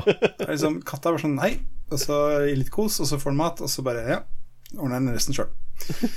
Bikkjer er liksom Nei. Åh, ikke ha bikkje, ass. De er noen innpåslitne rævsleiker rævsleikere, det er det de er. Bokstavelig talt, ja. Ja. Nei, jeg liker ikke bikkjer. Det er bare Det er Nei, egentlig bare derfor jeg har eh, det. For å få fram at jeg ikke liker bikkjer. Nei, altså, jeg, vil ikke, jeg vil ikke si at jeg ikke liker bikkjer. Altså, sånn at det, det, er- greit at kompisen min har bikkje, og at jeg får besøk der og bikkja Ok, men eh, nei. Jeg vil ikke ha Ja. bikkje sjøl. Ikke, F- ikke F. Helt enig. Ja. Nei, altså, det, er, det, er ikke det, det er ikke det jeg, er, at jeg syns man skal være slem mot bikkjer, for det skal man ikke være. Men eh, Altså, man skal være grei, men eh, nei. Ikke av bikkjer. Jeg er veldig glad i hunder, egentlig, men eh, jeg skulle, skulle gjerne hatt det på en måte Jeg savner Jeg skulle gjerne hatt eh, hund kun i helgene. Jeg, jeg, det er liksom der når det er lang dag på jobb, og så regner det kanskje. Da, det er liksom det siste du vil, å ut og gå og dra seg en hund rundt, altså, som ikke vil, Ja. egentlig ikke vil på turen sjøl engang, fordi det regner. Sånne ting. Det er eh, Ja. Ja, nei, som jeg sa, bikkjer de er rævsleikere. De er, de, er, de er porra og liksom yeah, Se på meg, ho, vær glad i meg. Ikke sant? Det er hele tida. En katt hvis, hvis en katt ikke er interessert i å ha noe mer å gjøre der og da, så ignorerer den deg fullstendig også, og det kan jeg respektere. De klarer seg sjøl. Det er fint. Yes. Nei, men det var en egentlig dårlig, veldig dårlig anbefaling. Det er sikkert mange som har kommer til å irritere seg over den. Kjempefine. Ja, der er jeg helt med. Ja, vi, vi trenger noe mer positivt. Da tar vi Terje. Du har en uh, anbefaling som kanskje er veldig kjent for mange, men som fortsatt er veldig bra. Ja, jeg, det er et musikknettsted som heter Bandcamp. Som er et sted hvor indie-musikere legger ut all musikken sin. Og det, ja, som du sier, det har etter hvert blitt veldig populært. Det er ganske mange indie-band og indie mindre musikere som ellers ikke ville fått platekontrakt og få gitt ut musikken sin under det gamle, gamle regimet, for å si det rett ut. Og der er det vanvittig mye bra, så hvis du, i hvert fall hvis du er drittlei av listemusikk og, eller har egne sære sjangre du er glad i, sånn som 80-talls synt eller diverse sinnametall og, og sånne ting, så jepp.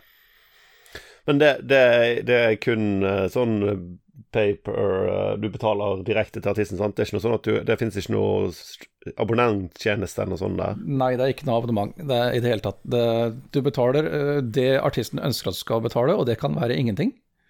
Mm. Ja, ja. Det, det, er mye musikk der som ligger ute som bare er gratis. Uh, altså, omtrent all musikk som ligger der, uh, kan også bare streames rett fra nettsida, eller appen på telefonen. Det er en egen app på telefonen til den. Ja. Eller uh, eller du kjøper musikken og laster den ned, det, og da kan du få den i akkurat det formatet du vil. Mm. For uh, artistene blir oppfordra til å laste de opp i ukomprimert, så høy oppløsning som overhodet mulig. Og, og, så ta bare nettsida og så konverterer det til det formatet som kunden ønsker å laste, laste det ned i der og da. Mm. Så det er sånn veldig greit. Yes. Og, så, støtt, så det er bare en god side for å støtte musikere du liker? Eh, rett og slett. Og veldig mange av de gamle spillmusikerne som jeg er glad i, og moderne spillmusikere også, legger ut veldig mye av musikken sin der. Særlig, særlig mm. av indie indiespillmusikere, som ofte da bare er sånn work for hire. ikke sant? De er, de er sjelden ansatte i indie-selskapet som har, har laga spillet. Er, de er bare leid inn. Og de eier, de eier da musikken sin sjøl, egentlig. Og ja vanvittig mye av det kan kjøpes der. Mm. Yes, yes. Og høres på der. Så besøk den, vil jeg si. Yes. Yep. Det er uh, Min uh, erfaring er at det stort sett alltid når jeg gidder å gå innom Bandcamp, så finner jeg noe nytt og kult der. Så ja. absolutt. Og, Varm anbefaling. Og det er ikke bare digitalt heller. Mange av de som selger musikken sin både på kassett og på vinyl og gud faen. Og det, du får noen yes. ordentlig kule vinylutgivelser og sånt, og det er for de som er glad i det. Så, yes, yes. Mm. Kjør på. Stilig. Jepps. Ja, da skal vi over på noe som jeg føler er veldig teknisk. Som jeg ikke aner hva er for noe. Eirik, du har en uh, gåtefull anbefaling i dag. Ja, jeg har noe som heter vektvest. Um, uh, det, er, det er så rett og slett Det ser ut som en slags skuddsikker vest. Det er egentlig bare en vest med masse blylodd oppi. Aha. Så, for tre, treningsformen, ja, antakeligvis. Ja, det er egentlig det. Men hele poenget er Altså, det er jo, det er jo jævlig kjedelig å trene. Uh, men ja. of, ofte så skal man ut og gå eller et eller annet, uh, da. Uh, mm. Så man ser jo ganske dum ut med en sånn en på, men nå er det vinter, så nå kan man ha den under en stor jakke, så ingen som ser det. Akkurat. Så, så jeg vet, for iallfall Terje, for eksempel, går jo sånne podkast-turer og sånn av og til. ja, det stemmer. Da, men en, Da må jeg si at med den jobben jeg har, og all den bæringa jeg allerede gjør Ja, den, Akkurat du trenger kanskje ikke dette. Nei, jeg, jeg, jeg, du får trent nok. jeg tror kanskje det er best for ryggen og skuldrene mine at jeg lar den ja, der. Godt, godt poeng. Men ja. uh, for oss andre da, som har litt mer stillesittende jobber, som føler vi burde trent litt mer, så jeg syns det er kjedelig å liksom måtte sette av en time på treningsstudiet og sånn, men uh, å få litt sånn hvis jeg uansett skal gå en tur eller gjøre noe sånt, så bare slenge på, slenge på noen kilo ekstra. Jeg eh, syns jeg var Og jeg blir liksom sånn oppriktig sånn godsliten som du kan bli av andre typer trening, da. Så ja. jeg føler det er sånn der uh, måte å spare tid og trene samtidig som du gjør andre ting. Og de er smarte, fordi det oppdaget de ikke når jeg kjøpte, da, for da skal jeg kjøpt en tyngre en. Jeg kjøpte en 10 kilos. Jeg det var tungt nok. Men du kan jo ta ut ett og ett lodd. Så hvis, hvis, noen blir inspirert og vil kjøpe det, så kjøp den med 20 kilo, f.eks. Og så eller bare justere vekten, og så ta mer i etter hvert som du blir biffere. ja, akkurat. ja, slett ikke dømt, slett ikke dømt. Det er en life hack, rett og slett. Ja. Nei, men dere, da føler jeg at vi har eh, nådd uh, lyset gjennom tunnelen for denne gang. Ja. ja. Yes. Det ble, det ble litt, uh, litt sånn uh, Ja, litt, kom litt på kort varsel i dag, men jeg syns vi klarte det bra. Ja, Ja. vi gjorde det. En av våre kortere seanser, dette her også, men ikke for kort. Det er bra. Nei da. Så det er eh, han er sånn også, det er bra.